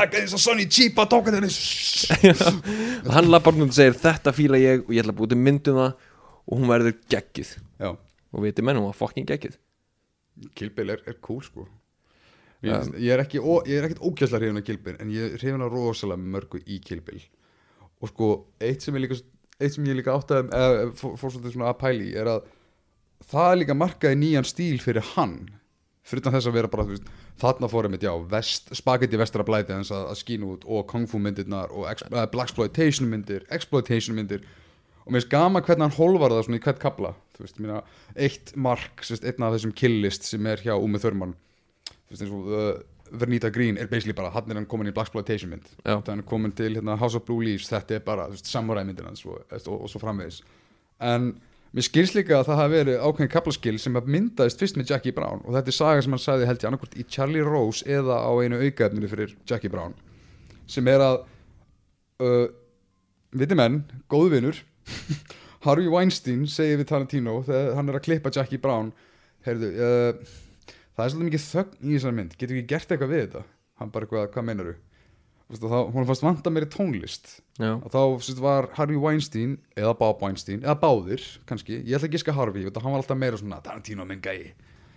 Og Harvey Weinstein var svolítið íta eftir því að, að Tarantino myndi sérst, ráða composer sem Tarantino er alltaf verið á móti. Eða hann bara, nei, ég vil ekki að neitt ráði hafi þetta mikið vald yfir minni mynd. Mín raum er bara gátt, nei, nei, þú, það er engin annar að fara að gera hérna, sál mín, hann er alltaf verið svolítið þetta, inclusive já, með þetta, bara nei, nei, nei, nei. þannig að Harvey Weinstein segir með hann bara, "Ah, já, ok, getur ekki bara tekið þú veist, soundtrack úr einhverju gamlu myndir sem þú fílar? Og hann bara, má ég það? Já, já. Og þá er með tekur hann úr til mér sem svo Coffee sem er gömul mynd, eða Blaxploitation mynd með Pam Grier sem leka með Jackie Brown sem er svona DNA linkar með myndina svolítið vel og þá fekk hann bara þetta glass shattering moment. Byrju, wow, þannig að ég get bara að nota veist, hann- Tarantino alltaf gekk lengra með það skilju að, að implementa poplög og sérstaklega svona mjög obskjör poplög inn í, inn í bíómyndir. Þar sem við komum, wow, þetta er Pulp Fiction lagið. Á meðan þetta var veist, eitthvað svona surfer hippalag skilju frá 70 sem að- öllum að drullu saman saman með hérna, Battle of Honor and Humanity í, sem var notað í Kill Bill allir hugsa um þetta sem Kill Bill lagið já, og þannig að þetta vatt í svolítið á stað þannig að eventually fór hann að hugsa veitu, wow, ég get tekið eitthvað sem var samið fyrir specific senur í bíómyndum og bara púslaði sem svo ég vil. Þannig að það er líka svolítið átti hluti í því og síðan þá hefur þetta náttúrulega bara verið mjög ríkjandi hjá honum. Þannig að hann í rauninni fyrst fer inn í handritið og ég hef lesið nokkur uh, svona líkt Tarantino handrit og það, það er alltaf skrifað inn í handritið núna kemur Q-ið úr hérna The Alamo, stóri hérna climaxin concertoinn sem er úr þessu og það spilaðist yfir atriðinu og hann er alveg með þetta límt saman. Já, hann er búinn að plana þetta allt. Það er rosalega cool og það er gaman að þú finnir fyrir því. Já, þannig að þú veist, hérna, já Kill Bill var þetta var basically, hvað maður segja, útskriftamyndunas Já, ég myndi segja það. Var hún, nú er það að svara einu sko Því ég manna þetta ekki sjálfur. Var, var hún einhvern tímann plönuð sem einmynd? já, alltaf. Hún var alltaf plönuð sem einmynd Já. Já, ég man eftir því, sko, ég, ég, ég, ég, ég held að þegar fyrsti trailer var gefin út, það var bara kilbil, bara einmynd, kilbil já einmitt. Svo tafðist eftirvisla og það fór bara einhvern veginn, ég myndi fór langt yfir tökuplan og þú veist, hún bara, þetta var ísóldi fokki og ég, ég er aldrei nákvæm, nákvæmur í því hvort það hefði verið Weinstein eða Tarantino sem stakk upp að því að brjóta hennir, ég veit allan Tarantino var ekki mótfallið í Hann að skera myndina niður. Já, af splittin upp. Þá bara, ég held að hann hafi fílað hugmyndina að gera þetta eins og þau gerðu þetta. Að Því að þú veist, það er svo fyndið sko Það er, það er, það er allir á því hérna máli að Kill Bill sé geggjumynd. Svo missur þú suma í Kill Bill part 2 Það Er já, ég er þar sko, en ég, ég, mér, finnst- flestir bara að segja bara, já, bara all around, geggja en það er kannski rétt, fyrst það er kannski meira svona, hún er líka meiri skemmtun. Já, hún er miklu meiri skemmtun sko. Setni myndin er, að það gerist alltaf svo mikið í fyrstu myndinni. Já, mér finnst það bara ekki alveg fitta inn í Kilby Volume 2 hvað hún er einmitt, þannig kemur orðið existentially sko. Mér finnst hún bara ekki alveg balansera það að vera með þessa dýft sem hún er að reyna að stræfa fyrir í mynd sem er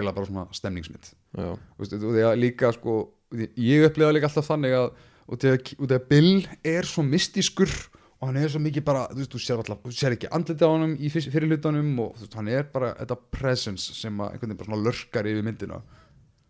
Svo fannst mér það bara svona píra boring í sinni myndinni. Já ég samræður bara svona, svona, svona old fart sögumæður bara hérna með, með, með flautuna sína. Ég skal segja þér sögu frá Superman. Æ nei, byrja hann aftur. Þetta er svona svo Lincoln syndrómið en Kill Bill almennt vel metinn en svo heldur hann þessi hugafari áfram áfram og setna meir þegar hann er komin í eins og í Grindhouse eða Death Proof, þá sagði hann bara ég ætla að gera bílættingaleik og ef ég geri það þetta verður að vera all-timer bílættingaleikur Já, ég var ekkit vola Mér finnst hún allt í lagi.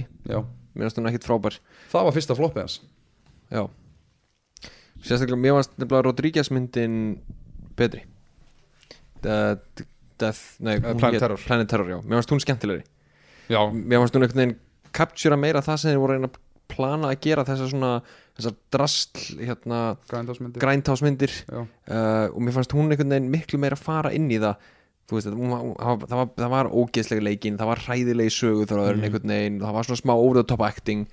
Á meðan að græntásmyndinast Tarantino var líka mjög mikil Tarantino mynd Ég sko, ég, ég, ég minnst þetta að vera svona bæði svona weird blanda af best of both worlds sem er að Tarantino hugsaði ég ætla að gera græntásmynd en það sem það þýtti var að þú veist, ef þú borgar inn á græntásmynd bara back in the day þá var kannski á plaggatinu stóð kannski bara hérna, bíllinn sem hann drepur fólk og eða getur fólkið. Svo ferða þá mynd og þá er þetta bara geggjaði plaggat og þú fær kannski, þú veist 5-10 mínútur af því sem þú borgaðir inn á og resti var bara drullu leðileg og Já. bara eitthvað svona fólk að gera ekki neitt og því, að, veist, það var ekki budget til að gera eitthvað almennilegt. Þannig að mér líður svo Tarantino hafi tekið aðeins svo langt að hugsa bara ég ætla að gera þú veist, hann gerir cool græntásmynd en hann, svona, hann fór aðeins meira út í það hvað á meðan uh, hérna, Rodríguez var miklu meira að gera grína græntásmyndum nákvæmlega. Hann fór meira að hugsa ég ætla að gera viljandi lélega mynd. Á meðan Tarantino mitt hugsaði ég ætla að taka græntásmynd sem by definition voru ekkert óslega góðar. Og hann reyndi svolítið að gera hana góða en á saman tíma en mist bæði virka fyrir sitt mismöndi aspekt en ég hef miklu meira gaman af Planet Terror því þar er einmitt Rodríguez bara eitthvað mér er sama, ég ætla að hann bókstallega setur missing reel í myndina til þess að skrifa sig úr því að þurfa að veist, finna leið til þess að komast inn í þriði aktin mér finnst það æði. Það er mjög, mjög sniðut og svona, það, þetta, þetta gaf okkur svo machete sem voru alltaf lagi myndir en þú veist, það er skemmtilegt að það hefur svo átt í stað. Um, já, þá, þannig erum við komið það er 2007, það ekki, jú Góð 2007, ég var ógæðislega spenntið fyrir þessu þegar þetta var tilkynnt. Ég var bara í mannhætti græntástrælum ég, ég er svo til í þetta. Ég svo, og, og ég mæli ennþá með því að fólk horfa á græntás sem græntás Já, það, það er nefnilega sko, ok, nú ætlum ég að fá bara hérna að tala fram í fyrir þér. Uh, að Því að minni mitt er ekki alveg af dundur gott á þetta ekki mér að þessu. Myndinar voru síndar í bandaríkjunum sem einheild Já. Á Íslandi fengum við þær í sikkur lagi en þær voru lengri að það ekki? -hmm. Já, það var málið, við fengum, lengri. já, við fengum, við fengum lengri útgáfur og í sikkuru einmitt nákvæmlega, því að mig langaði alltaf að sjá hana sem eina hild Já, en ég, endan það í dag, ég hef ekki séð hana þannig. Þá býðið mikið veisla vegna þess að flestum sem segir mig hérna, já, Death Proof er ekkert spes. Well, það er ekki fokkin skrítið. Death Proof á ekki að vera tveir tímar. Hún er alltaf löng sko. Death Proof í 80 myndum er æðisleg. Já. það er útgáðan sem ég hef ekki séð og er kannski að missa af sko. Já, sko, þetta snýst um sko, finnst Planet Terror skemmtileg, fín í þú veist 110-15 mínútum, Mér finnst hún alltaf mikið svolítið overstay velkomið, en þessar myndir voru gerðar til þess að veist, það, það er bara ein bíómynd sem heitir Grindhouse. Já, og hún samastendur af þessum einingum. Machetti byrjar, trailerinn mhm. sem leiðir inn í Planet Terror. Svo kemur hlje, eða svona auglýsingar, ógslag finnar auglýsingar og svo koma hérna þú, uh, Don't, Thanksgiving og uh, Werewolf Women of the SS eitthvað, það sem að fake trailer frá Rob Zombie, Edgar Wright og Eli Roth. Svo kemur Death Proof og samanlagt er þetta bara svona rétt slefar yfir þrjá tíma en þetta er veistla Já, þú fær þvílít út úr þessu. Ég maður hvað ég var spenntur fyrir þessu, ég vildi fá Grindhouse. Svo underperformar hún eins og motherfucker í meðsvunni í bandaríkjunum og basically Evrópa tekur bara kollektivlí það ákvörðun. Já, nei, nei, nei, fólk vill þetta ekki svona. Mhm. Þannig að við fáum lengri útgáfa af Death Proof sem er sér frumsýnd hér á undan Planet Terror, mér finnst það svo fánuleg Já, ég og við fáum lengri útgáfa ég, já, líf þessara mynda var skekt Segðu mér eitt hérna, ef þú veist þetta. Af hverju erum við að fá lengri útgáfur? Byggu þeir til lengri útgáfur líka til að gefa út í einu? Eða, þú veist, í, í stöku eða, veist, var, var það planið þeirra að búa til eina stóra græntásmynd og búa til sikkuru myndina í leiðinni? Já, það kemur ekki á óvart ef að ég held einmitt að þeir hafi alltaf hugsað við munum gera condensed útgáfi fyrir Grindhouse og svo fáum við okkar eigin útgáfi en svo þegar var lögð meira áhersla að það er rele- release á, uh, sérst, á myndunum ég held að þá hafi veist, þeir hafa farið svolítið overboard og hugsa bara hvað efni eigum við? Já. það er það í gategátan. Út af því að veist, Tarantino var alltaf að fara að vilja sína lengri mynd skilju, hvort sem það er bara á DFD eða eitthvað. Og Tarantino, nei, nei, nei, nei Rodríguez geti vel ímynda mér að hafi sérstaklega hugsað þannig. Já, En já, þegar það er orðið theatrical gluggjun og Grindhouse sem koncept er bara farið út gluggan þá það breytist bara allt sko. Að, og ég skil alveg vel að þið hafi ekki viljað að fronta hérna, hei, ég er nýjasta Tarantino myndin svo fyrsta síðan Kill Bill. Og hún er 75-80 mínútur. Nákvæmlega. Þannig að þeir, þeir voru í svolítið þeir pinnuð í svolítið erfiða stöðu þar. Og Tarantino lísti því sem bara eitt af erfiðasta sem hann upplifaði. Ó, lítil fyrirla, eitt af erfiðasta sem hann upplifaði á ferlinu sínum, hann bara eitthvað eins og hann sagði hérna, í viðtali við Rodríguez á sjónustöðunni El Rey eitthvað, mér leið og svo kærastur minn eins og kærastur mín hafi hætt með mér nema kærastur mín var plánetan jörð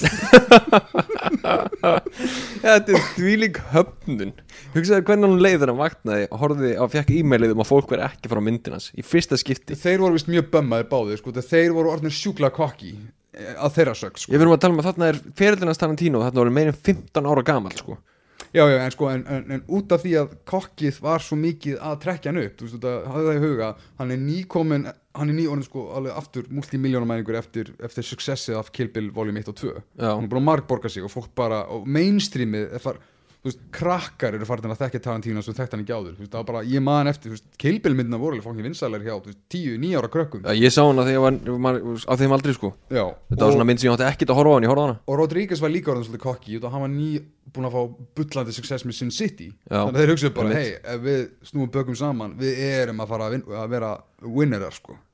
Svo bara, já, þetta var aðeins svo mikið fyrir, fyrir almenning en, en Tarantino tekur sér saman og segir bara eitthvað, ok, ef ég á að fá að eiga mitt sæti við borðið þá verð ég að standa mig. Og hann stóð sem með næstu mynd. Inglourious Bastards Já, mjög, mjög hann bara tók sér, tók sér til og sagði bara, hann búin að vinna og nostra við þetta handrið mjög lengi, sem ég skilst að hann skrifaði sko fyrsta kaplan úr þeirri mynd alveg bara mörgum, mörgum, mörgum árum undan.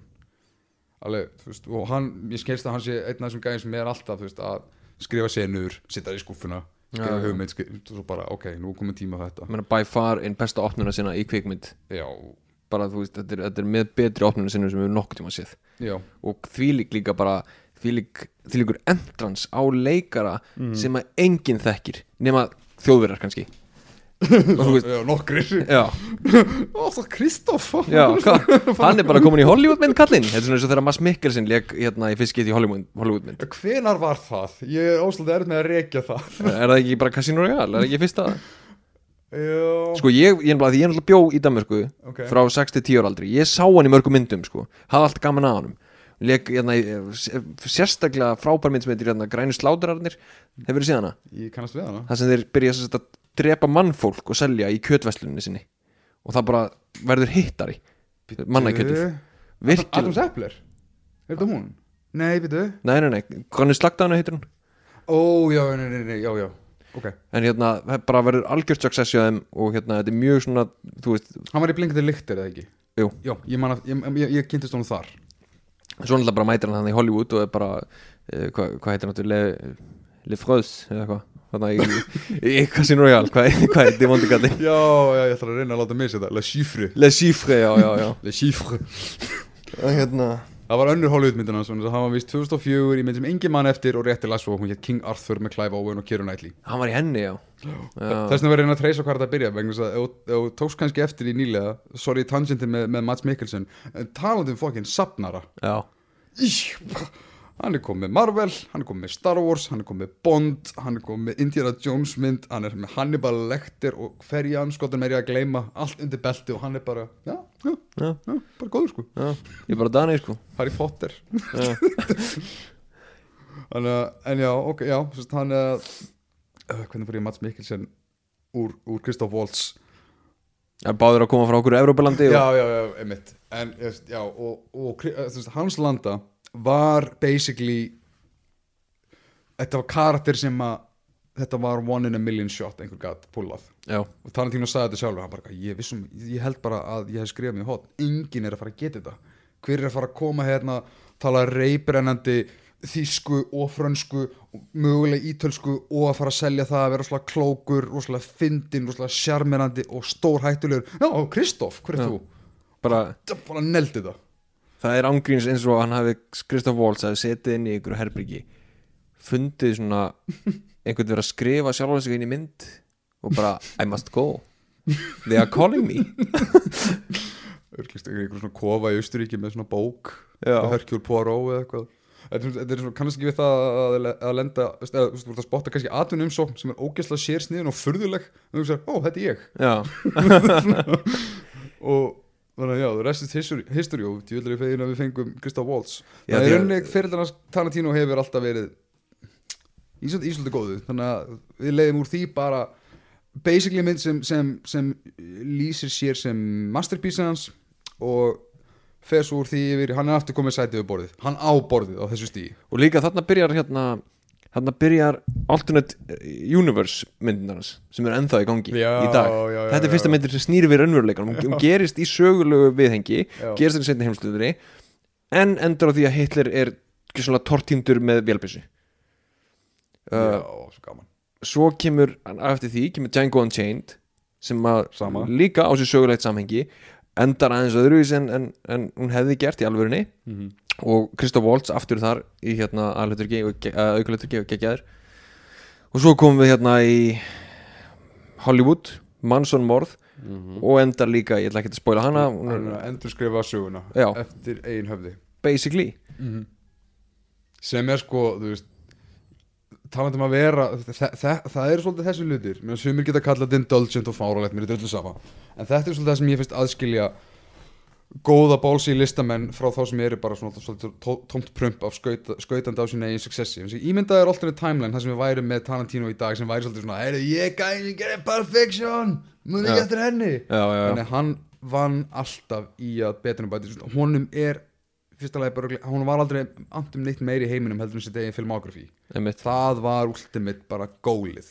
Hann að- vissi hvað hann þyrfti að betur bæti sig hann vissi hvað hann vildi ebla sig og það að hann tók þetta stóra áhættu og sagði ég ætla að gera World War II epic og setni heimstyrjöldin mun, veist, hún mun enda öðru sér heldur hún gerði í raunheiminum. Þetta er alveg bananas hugsun. Já, þetta er mjög, að því að þetta er líka mjög þetta, þetta er touchy subject. Þetta er mjög hérna það er mjög erfitt að gera þetta rétt en, en honum einhvern veginn texta, því að þú veist það er alltaf þessi svona, svona létti húmor og skemmtun yfir, yfir hérna handritunni og ég held að hafi aldrei verið jafn gaman að horfa á fólk drepa nasista og í þessari mynd. Ég minnst líka sko lúmsk snild í þeirri mynd sem er sko að myndin hefur alveg fullt að segja reynda líka út í að þú ert með sko bíó fullt af nasistum sem er allir hlægjandi af sér raskandi yfir að sjá nasista drepa óvinnina uh -huh.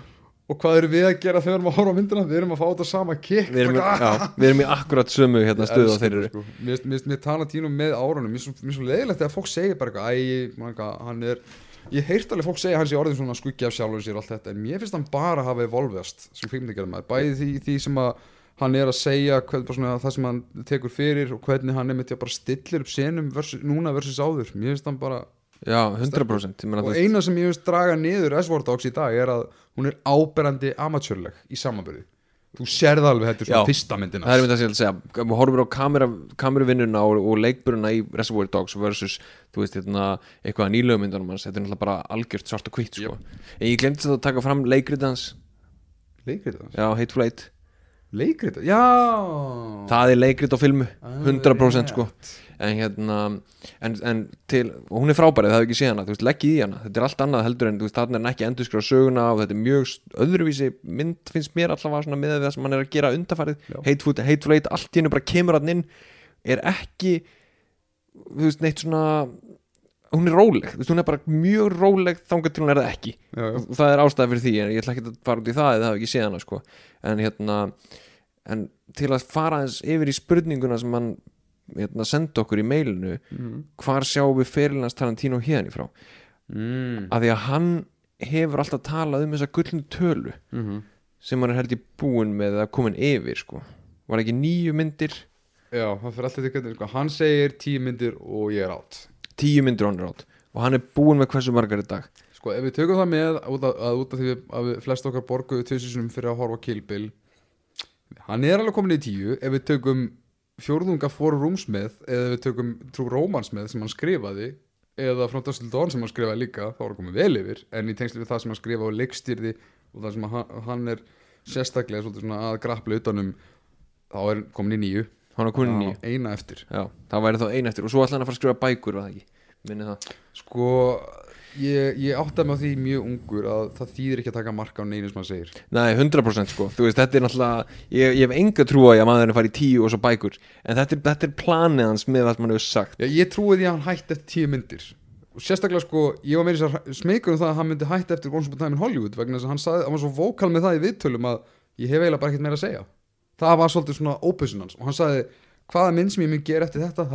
desert. Já, ok, Þú veist, það var svona þannig að ég, ég hef mig grunar ef hann, þú veist, að næsta mynd sem hann gerir verði meira stemmari heldur en eitthvað í líkingu við veist, já, Jackie Brown eða Hateful Eight eða, eða já, kannski, já, þannig. Veist, kannski meira Kill Bill eða Death Proof heldur en eitthvað sem er. En, en, en maður veit það ekki, hann er búin að segja kannski er hann að trolla okkur allan tíman og er búin að vera svona eitthvað, ég ætla bara að gera tíu myndir svo er ég farin þannig ég munu sakna mín en ég segi ekkert um sjónvarp. Já, já. Ég ætla ekki, ég ætla, ég ætla fokkin henda mér í sjónvarpið. Þetta, það kæmur alveg óvart með hvernig hann er að hann myndi hætta.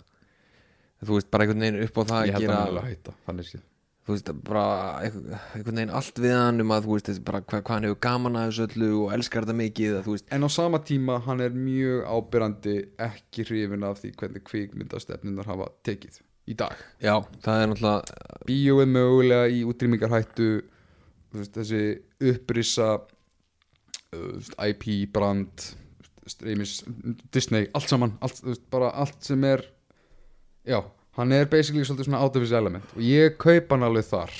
Ég, ég sé alveg fyrir mér að Tarantino geti að hugsa og verið heima sem hann segir, það er bara ekki pláss fyrir mig lengur. Og, og hver veit, kannski mér næsta myndin hans svolítið kommenta á það. Og ég raunin gerði síðasta myndin hans það. Svolítið um risaðilu Mhm. leikara svolítið að feysa nýja tíma og þetta er mynd basically um það að endur skrifa söguna. Þannig að þú veist og ég fíla það líka og Tarantino hefur oft nefnt að, að hann, hef, hann hefur verið gaggrindur stundum fyrir að fó- eða, þú veist, fólk spyr hann kannski, af hverju gerir ekki meira persónulega myndir? Hann bara er þetta grínast? Þessar myndir er allar ógeðslega persónulega fyrir mig. En ég ætla ekki endilega að segja af hverju. Já, ég ætla ekki að stafa það út. Veist, og hann er að segja rosalega mikið og komið rosalega mikið af svona tjáningum í, í gegnum það þannig að, veist, þannig að merkin eru kannski svolítið þar. En hver veit þannig að veist, þetta er þetta er alltaf mjög valið punktur til þess að skoða. En ég, ég meira svolítið þar að sem ég hugsa já, það, það þýðir ekki að marka neitt sem hann segir í viðtölum einu skiptin sem hann er og þetta er eitthvað sem hann á samilegt við Nolan sem við erum að fara yfir í eftir smá. Þeir eru svolítið lokaðir nema þeir eru að kynna myndina sínar. Já, þá eru þeir allstaðar já. Og í tilfelli Tarantino það er ekkert mikið hægt að marka það hvað hann segir, hann bara og ég ætla að gera Vega Brothers mynd og ég ætla að gera Kill Bill 3 reyndar, ég get alveg trúið að hann myndi enda þetta á Kill Bill 3 það kemur ekkert, sko ég heyrði Ah. einhvern tímann þegar hann gerði Kill Bill 1 og 2 að hann, að Kill Bill 3 væri sem sagt, Dó- það var alveg desert sko. já, að það væri dóttirinn dóttir, hérna verið nýtu grín. Já, og hann ætlaði að býða þangu til að væri actual liðin átján ár Já, eða eitthvað svona, þú veist, láta tíman líða í raunheimi þangu til að dótturinn væri orðin fullorðin. Hann hefur alveg 15 ári viðbót en þess að fólki í Hollywood eldist alltaf mjög hægar. Þannig að þú veist, þannig að Uma Thurman getur alveg meikað góð 10 ári viðbót á hann fyrir að lukkar í mótli 50 sko. En það verður geggju pæling þú veist, ok, ef hann alltaf telja okay, þetta er eitt sem böggar mig þetta líka. Þú veist, talandi um þetta með að á Kill Bill að telast sem eina eða tvær mynd. Já, alveg herra Tarantino, þú ert aldrei fara að kalla þessa mynd Kill Bill 3 ef þú telur fyrstu myndin að vera eina mynd þetta, er, þetta fara að vera eitthvað allt annað veist, Kill Beatrix, eða Kill B eitthvað þannig, eða Vol 3 bara. Volume 3 já. er, ekki, er ekki Kill Bill Volume 1 og 2 jú, reyndar þá er það bara bind, þriðja bindið í, í, í einni mynd. Já, ó, guð. Eða bara svona sín ein saga sem hefur tæns í þetta Þú veist, það er Jú, það, er- það er alltaf leið sem ég geti gert með það en, en, en svo náttúrulega líka bara í hans persónulega lífi, hann er nýjórðin faðir bara, þú veist, hann, var, hann, hann eignaði sitt fyrsta barn mjög seint. Og eftir Once Upon a Time in Hollywood þá skilst mér að það hafi verið, að það hafi verið og sé búin að vera svolítið hans kjarnafókus nýlega. Þannig að kannski er hann með tilbúið 100 einhver staðar, kannski er hann bara veist, með einhver projekt í vinslu who knows? Kannski er hann bara býja eftir svefninum sem maður þarf þegar maður er nýkomið krakka ég veit ekki. Já. Eða býða eftir að Uma Thurman actually vilja leika í Bill myndinni. Sem er gott segway yfir í, yfir í Nolan sem er sko, ok þeir gæti ekki verið meira svart hvít þessi menn. Fyrir þetta það þeir eru báðir sín einn rödd. Þeir báðir kunna móta eitthvað sitt úr hinnu gamla. En á meðan Tarantino er svona sko, í fyrsta lagi þessi maður er náttúrulega bara party maskína mm -hmm. Ég, og sér með staðfesta sögu frá Íslendingum er bara eitthvað, þú veist, bara eitthvað já.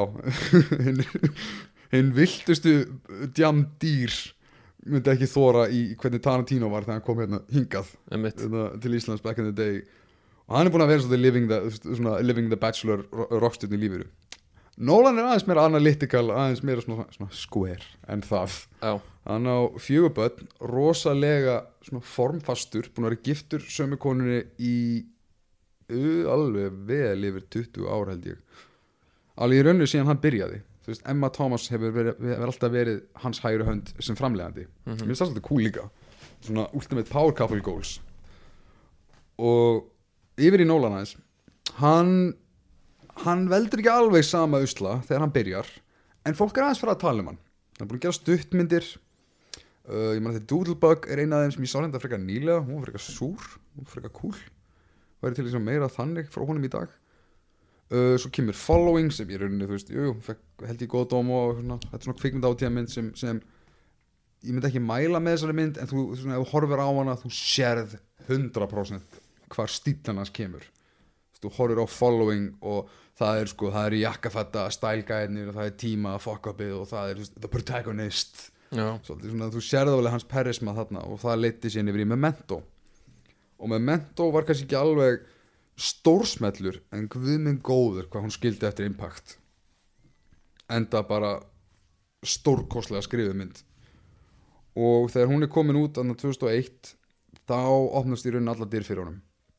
Og fyrir ekkar heldur en að vaða í bara eitthvað svona eitthvað næsta frumsamda handrit ég, þú veist, ég, mynda, get vel trúið því að hann hefði kannski verið byrjar á eða tilbúið með Inception á þeim tíma bara, nei, ég ætla að býða með þetta. Hvað með þess? Nei, ég ætla að býða með þetta. Þannig að Nolan gerir svolítið mjög óvinnilegt sem að hann ætlar bara að fara og vera svona director for hire með, með annari myndinni sinni. Eða þriðið í rauninni. Og gerir Insomnia. Já, Insomnia. Já, og með því að gera Insomnia sem er endur gerð á sænskri mynd eða ekki? Ég ætla að segja norskri. Nei, skórskortir í henni. Það er sænsk. Ég ætla, já, með mynd ef að skorskort þetta staðar þá voru það sví og en með því að veist, þetta er símingli mjög svona ómerkileg mynd í, í stærra, stærri ramma uh, fyrir Nolan. En það sem gerist með því að taka móti Insomnia þarna er hann að networka sig í hel. Hann er að gera mynd uh, undir framlýslu Steven Soderbergh sem í rauninni kynur hann fyrir Warner Brothers. Já, og hann enda svo því að vinna með Warner Brothers í alveg góð 20 ár.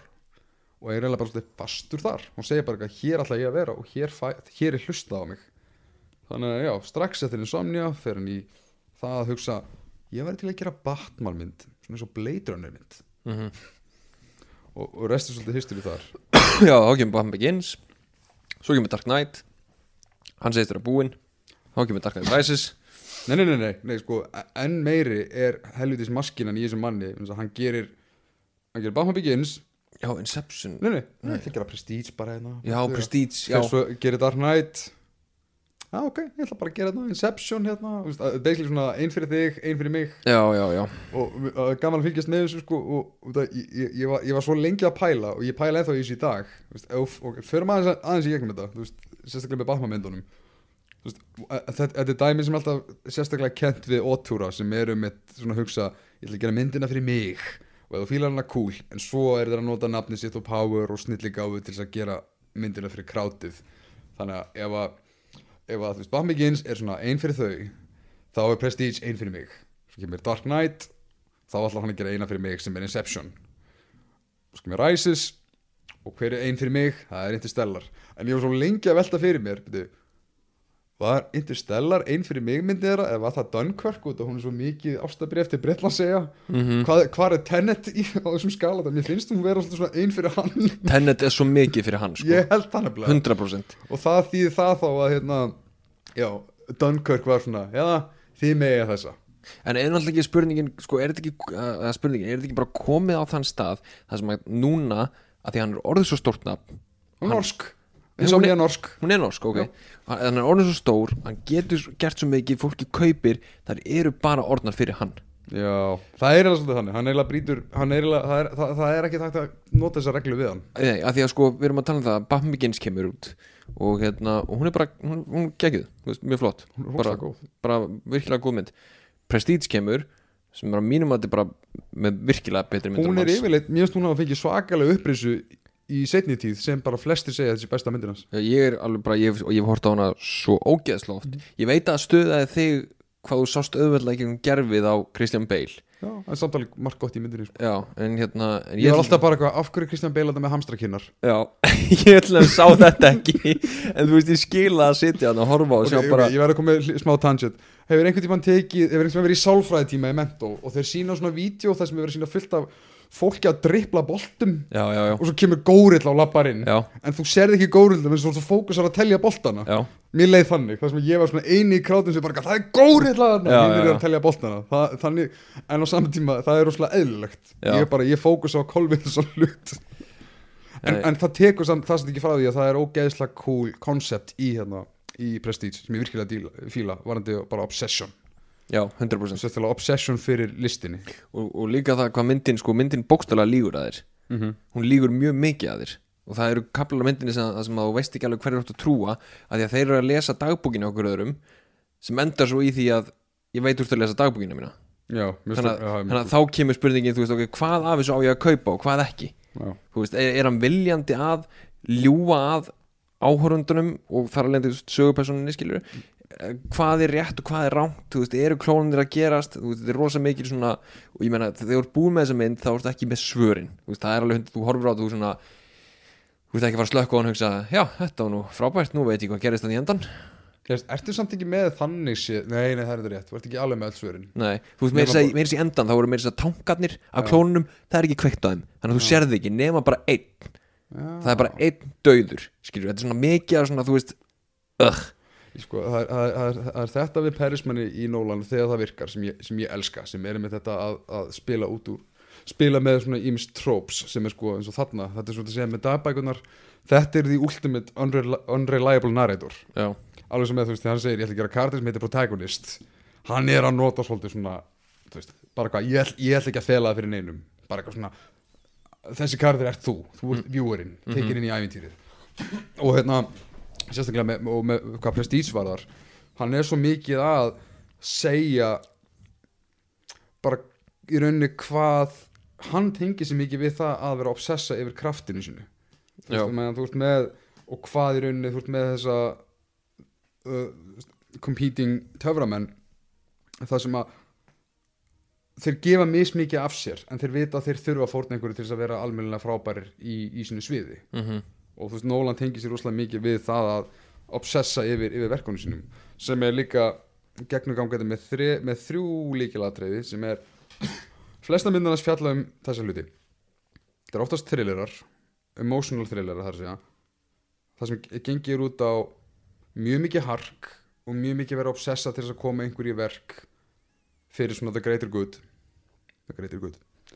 Og nummer tvö það er mjög mikið motivation hjá al, alkarturnum er rauninni vera að gera það sem hann er að gera til þess að geta hægt að gera það skilur hvað ég meina já, 100% Þú veist, Batman er að gera það sem hann þarf að gera til þess að hann geti rauninni bara veist, eventually bara hægt að slaka Leo DiCaprio er að gera það sem hann þarf að gera í Inception til þess að geta bara að fara heim til barnana sína Matthew McConaughey er að gera það sem hann þarf að gera til þess að rauninni geta að fara heim til barnana sína það sem þeir eru að gera allir hérna í Dunkirk þeir eru rauninni bara hardcore fucking stíð til þess að geta að fara heim til barnana og knú- og knúsa fjölskyldunni sína og vá, í Tenet protagonistinn er að gera það sem hann þarf að gera til að geta komið í veð fyrir heimsenda til að Elizabeth Debicki geta fara heim Til barnanna sinna. Knú- knúsa stráki sin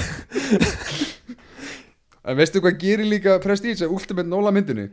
Að hann er að gera það sem hann er að gera til þess að hann geti fara heiti batnandi sinna.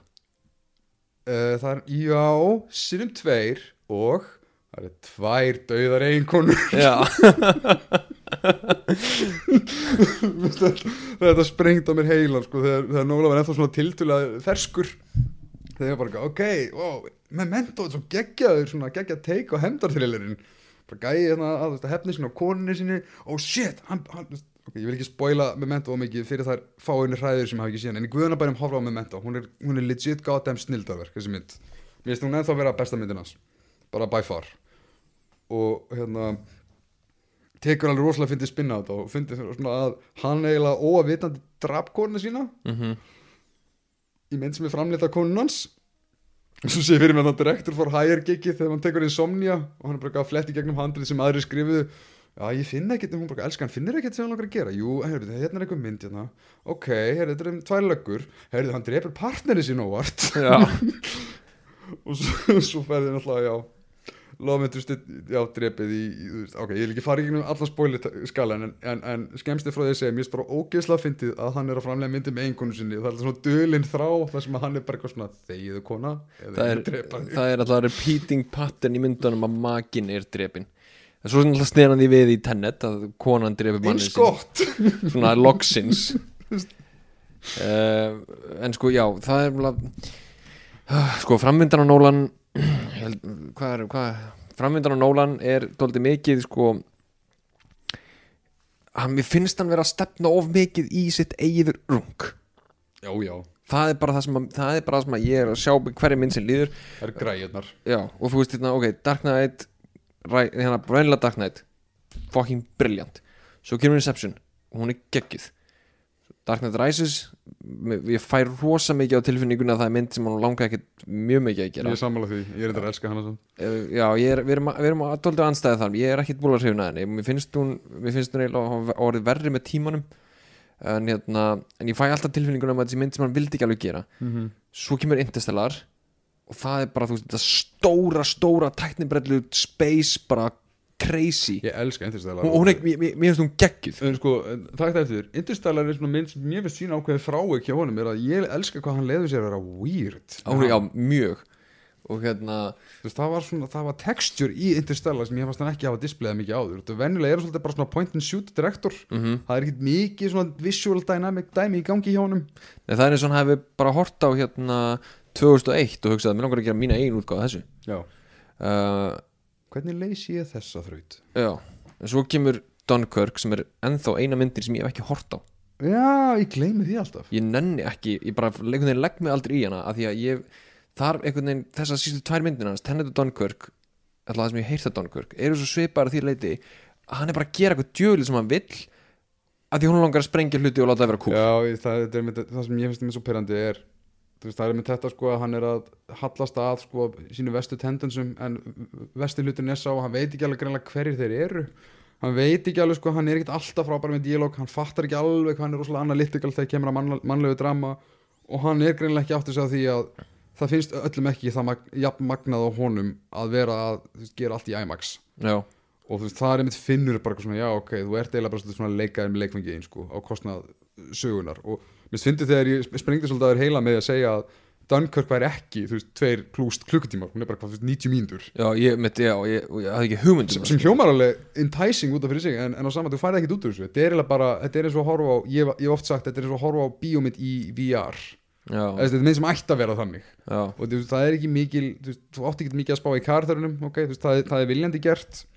Og finnst þú bara vera svolítið svona oh, ok, cool, þetta er- sem er- ég kefti það, ég var þarna í smá stund sem er bókstaflega það sem að ég hugsaði þegar ég laði út á tennet bara, ok, cool. Já, eða þú veist, það er ekkert meira. Ek, akkurat. Bara, mér, er- mér, mér var eiginlega skýt sama um mér var skýt sama um all, allt og alla í þessari mynd. Díalógurinn var allt of, allt of lélugur þú veist, bara svona, bara miðað við hans standard líka bara hræðilegur. Mm. þú veist, bara hvað þið maður er bestu línu í myndinni.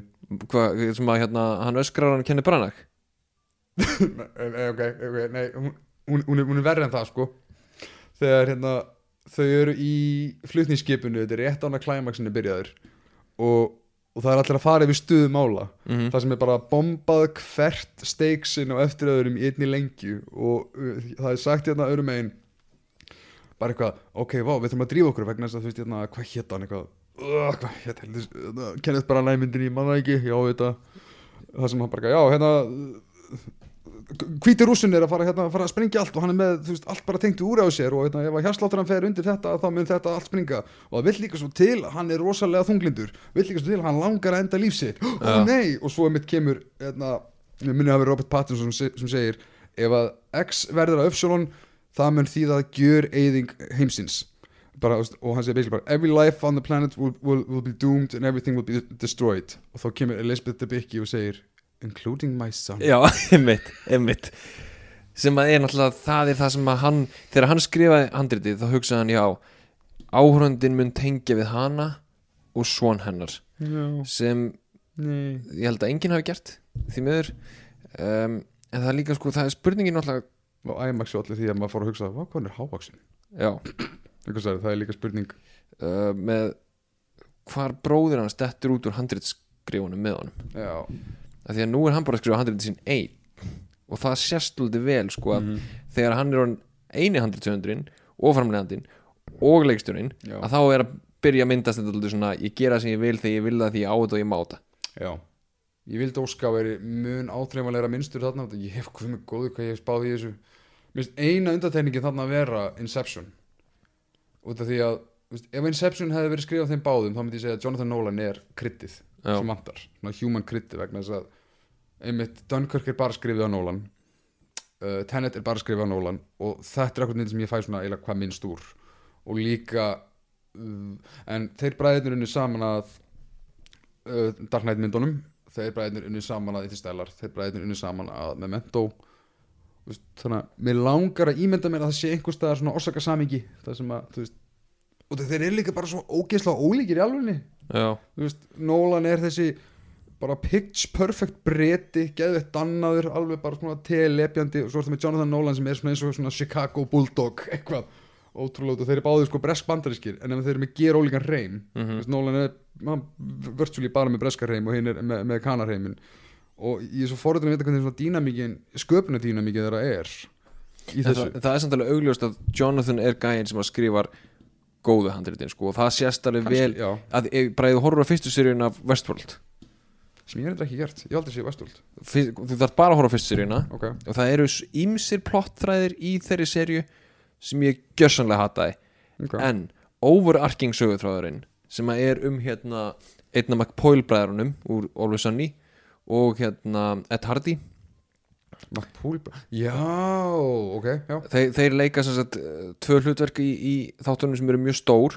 Þeirra sögutráður er briljant ok, alveg gjössanlega briljant um, en hérna það er nokkur aðri sögutræðir í þessu sem að mig ekki alveg fullkomið sens. En ég hugsa að þú veist að það sé það sem er að gerast þarna. En þú veist ég er samt spenntur fyrir næstu nólamynd saman hvað mynd það verður sko. En ég samt hef miklar áhugjör af því að hún verði doldi meira því sama og við sáum síðast. Sko, í samingi spurningarna sem að þetta mail kvatti það er eitt bara sem ég finnst vera í stöðinu núna fyrir Kristoffer Nolan. Það er að taka þetta helvitis handrit sem hann búin að setja í skúfuna blása rikið af þessari Howard Hughes mynd sem hann er búin að spá í og tísa í áraraðir og gera hana bara ég veit ekki meira um það ég veit bara að þetta er eitthvað sem hljóma fullkomið fyrir hann mm. hann alltaf gerði hann ekki vegna að sín tíma var alltaf Martin Scorsese að gera Aviator á svipum tíma og það er voru í þróun á svipum tíma einhvers stað las ég það að Nolan vildi fá Jim Carrey til að leika hann sem er alveg cool, ég meina þú veist, mm. halló Howard Hughes skilur uh, innovator, entrepreneur sem er með bullandi hérna, þráhyggju og servisku tendansa og veist, þetta gæti orðið Óskarsbeitan hans en ekki bara frábær. Einmitt. Ég vil hann minki aðeins við sig frá þessu svona sumarmynda bombast bara, ég ætla að gera mína bondmynd svona, og já, bara burt með IMAX blætið. Ég nenni ekki svo ramman að vera alltaf að stækka bara til að sína sjáðu hvað er mikið í þessu maður. Mhm. þetta er alvöru flugvel, er þetta ekki alvöru flugvel nei, mér er drullu sama, gef mér alvöru tilfinningar. Gef mér alvöru steik, eða ekki steiks. Gef mér þetta bara ég elska að geta svona flett af þeim veist, ég er ekki mest aðdáðandi prestige, en ég hef samt gaman að ég horfa á hana, gaman svona að fá aðeins meira út úr þessu og þessu og þessu. Ég elska, og- eitt konseptið sem ég elska mest við prestige er með þetta að horfa myndina með tillitið þess að þú getur alltaf hort á myndina aftur frá sjónarni nýs karakters og fókusa á það.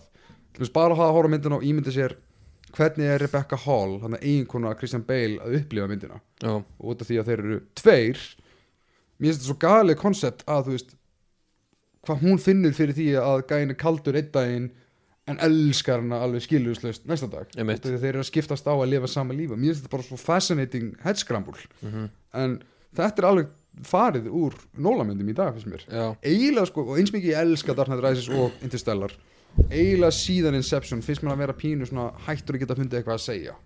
Já, já, já. so far og hann er svolítið svona skauta á sömu prinsipum sko. og það er mitt með Tenet að þegar allt var sagt og gert og þegar maður sá hann á loksins þetta var bara svona, já ok, þetta var bara gimmicky Nolan útgáfa svona Sudoku útgáfan af Nolan Bondmynd og ég meina Sudoku að því leitin til að þetta er gæði sem, sem gerir rosalega mikið að þrautum og Sudoku svona sér til skemmtunar í, í fleiri, fleiri klukkutíma og það er svona fyrir hann er, er gamanið já. en Nolan er alltaf kynlaus leikstjóri til að púla það að geta gert eitthvað í líkingu við Bond Já, nema náttúrulega hvað er ekki Bond bráðum á uppbóð eða?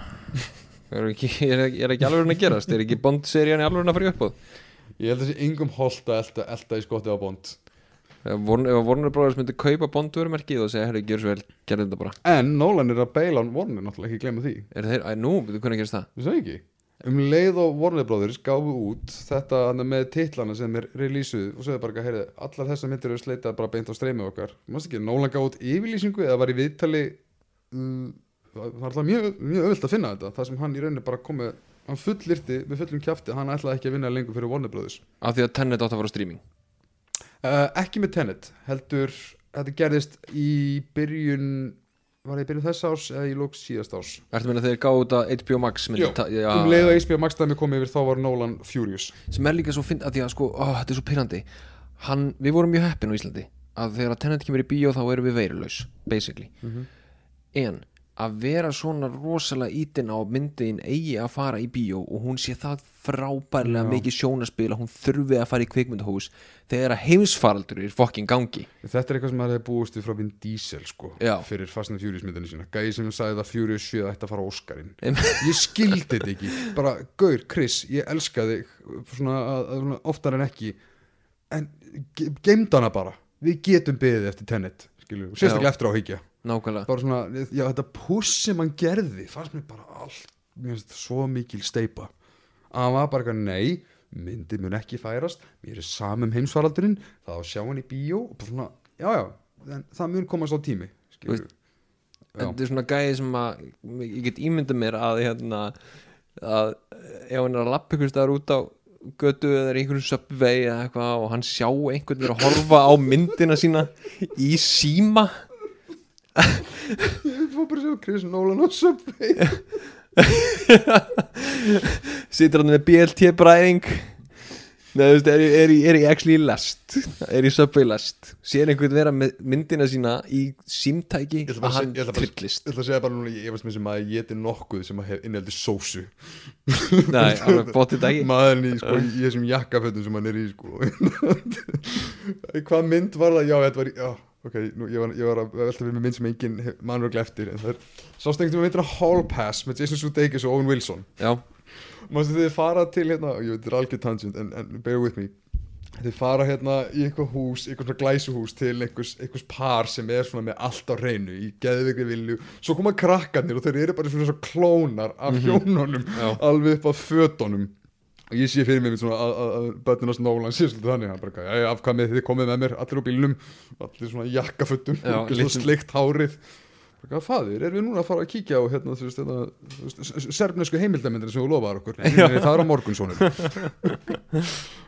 þannig að, já Guðana, já, ég skildi ekki. Af hverju þurftan að íta svona svakalega eftir þessu? Þetta var, þarna misti ég rosalegt álita á hann ég meina, jú, mér langaði að sjá Tenet sko, alveg sjálfsögðu. Sérstaklega þegar við vorum ekki með alveg á hreinu að fá bara nokkuð skapaðan hluti í bíó en það voru mikilvæg hluti fyrir hendi sko. en það er mitt hvað var mikið svona ég ætla ekki að segja hann hafi búlið að stúdíóin en, en það, þú veist, að íta svona fast á eftir. Og því líka sko hann var eiginlega að stilla sig upp þannig að það voru óraunsæða væntingar settar á hann. Já. út af því að hann var svo mikið íta eftir þessu þá fór aðra að hugsa ok, Tenet mun í rauninni ráð, veist, uh, gefa tónin fyrir það hvort að þetta hafi verið sniðugt. Mm -hmm. þannig að öll hinn bíóin komi já, hei, Tenet náði ekki alveg eitthvað fullkomlega að endurlífka bíóið mm og þannig að já. Og líka ofan á það, þú veist, það var sagt hann ok, heyrðu, ekkert mál, tennetur í bíó. Hún fyrir fyrst inn í Evrópu og svo ætlum við að setja inn í bandaríkinu þegar að róast þess þar. Og það bara, nei. Þessi kveikmynd verður spiluð á nákvæmlega sama degi út um allan heim það er enginn sem á að fá að sjá hana á undan einhverjum öðrum að því hann vildi ekki að fólk myndi skemma myndina fyrir öðrum manstu. Já, en hún endaði svo með því að komið í Evrópu fyrr. Já, já, já, já, en hann, hann tók þetta frekjukast á tímambili sko. Já, mjög. Þú veist, hann, hann, þessi mynd átti bara að lýsa basically bara 12.00 allstar og allir áttu að upplifa hana bara á sama augnabliki og, og verða bara amazed yfir því hvað þeir voru að horfa á. Bara, þú veist, guð minn góður í tíminn er bara, Ímyndaði síðan ef allir hefði sagt já og bara gert það sem hann baðum. Og svo kemur einhver og- og réttur hún hérna, þú veist, hérna, snjálfsíma bara, herri, sérðu, fólk er alveg mjög jákvæmt þú er að hashtagga myndina á fullt hérna á Twitter. Hvað er það? Og því að sko, og talandi með um það að vera reclusive það, þú veist, Nolan er ekki public guy, hann er rosalega private. Mm, og hann gefur bara við til þennan að promotera myndir. Eða, veist, eða það er eitthvað svona eitthvað í gangi, skilur, eins og, eins og með HBO Max og allt þetta allt þetta fár þannig í kringum það. Sérstaklega núna mitt út af því að ég skil alveg að honum hafi finnst að vera móðgandi fyrir uh, framleitur hinna kvikmyndana að HBO Max kom bara eitthvað heiðu, þið vildi fá þetta í bíó, sæk. Mm þannig að þú veist, þetta er, þetta er double-edged sverð en til að summa og svona rappa upp þennan þátt að sinni þá uh, og við setjum hérna aftur Nolan Tino saman. Eða var að Tara Nolan? Nei, Nol- Nolantino Nolantino Tara Nolan. Og þá sagt, ég vil sjá Nolan minka við sig og ég er enda búin að vera að óska eftir þessu síðan í rauninni Dark Knight kom. Veist það er að ég vildi alltaf að hann geti hoppa á milli. Já, og því hann er alltaf að vera stærri, stærri, stærri, stærri myndin er alltaf dýrari og stærri en út af því að veist, ég elska að horfa með mentó ég fíla insomnia ég fíla veist á- ég vil sjá hann pröfi keiri sem meira þannig að hann sé að, að hengja sig á innihaldið frekar heldur en hvað budgetið leifir Já. og ergo hvaða ramm er hægt að vinna í kringu það. Og ein ástokkur ég skil líka af hverju þú ert ekki búin að leggja í Dunkirk sem mér finnst vera dílberger öðrum finnst það kannski ekki en hann er að gera mynd sem á að vera bara svona þú ert á staðnum og þú ert í stríðinu og þetta er PG-13 mynd. Já, mitt. Þú veist, þegar sprengjurnar falla og þú veist, menn eru öskrandi útlimir eiga að vera fljúandi og þá að vera blóðbað þarna, en þú finnur svo mikið fyrir því hvað að vera að gelda alla myndina og þetta er alveg, þú veist, það vera alveg frekar komist í sumum sinunum að að- það alltaf dróð mig svolítið útrunni, þú veist, það er alveg sko, er bomberar og allt þetta endalust og þú veist, gæin er því réttiglega að sjá vinni sína að vera splundraði kringu sig. Þannig að já, því stærri sem hann er að vinna því meiri PG-13 er hann. Og ég bara, já, við höfum ekki séð R-rated Nola-mynd síðan Prestige? Var hún, nei, hún var ekki svona R-rated. Hún er PG-13 held holy sko. fuck, það er bara síðan insomnia. Já, þannig að það er bara einfaldastu lausnin, bara Nolan verður meira experimental og weird aftur.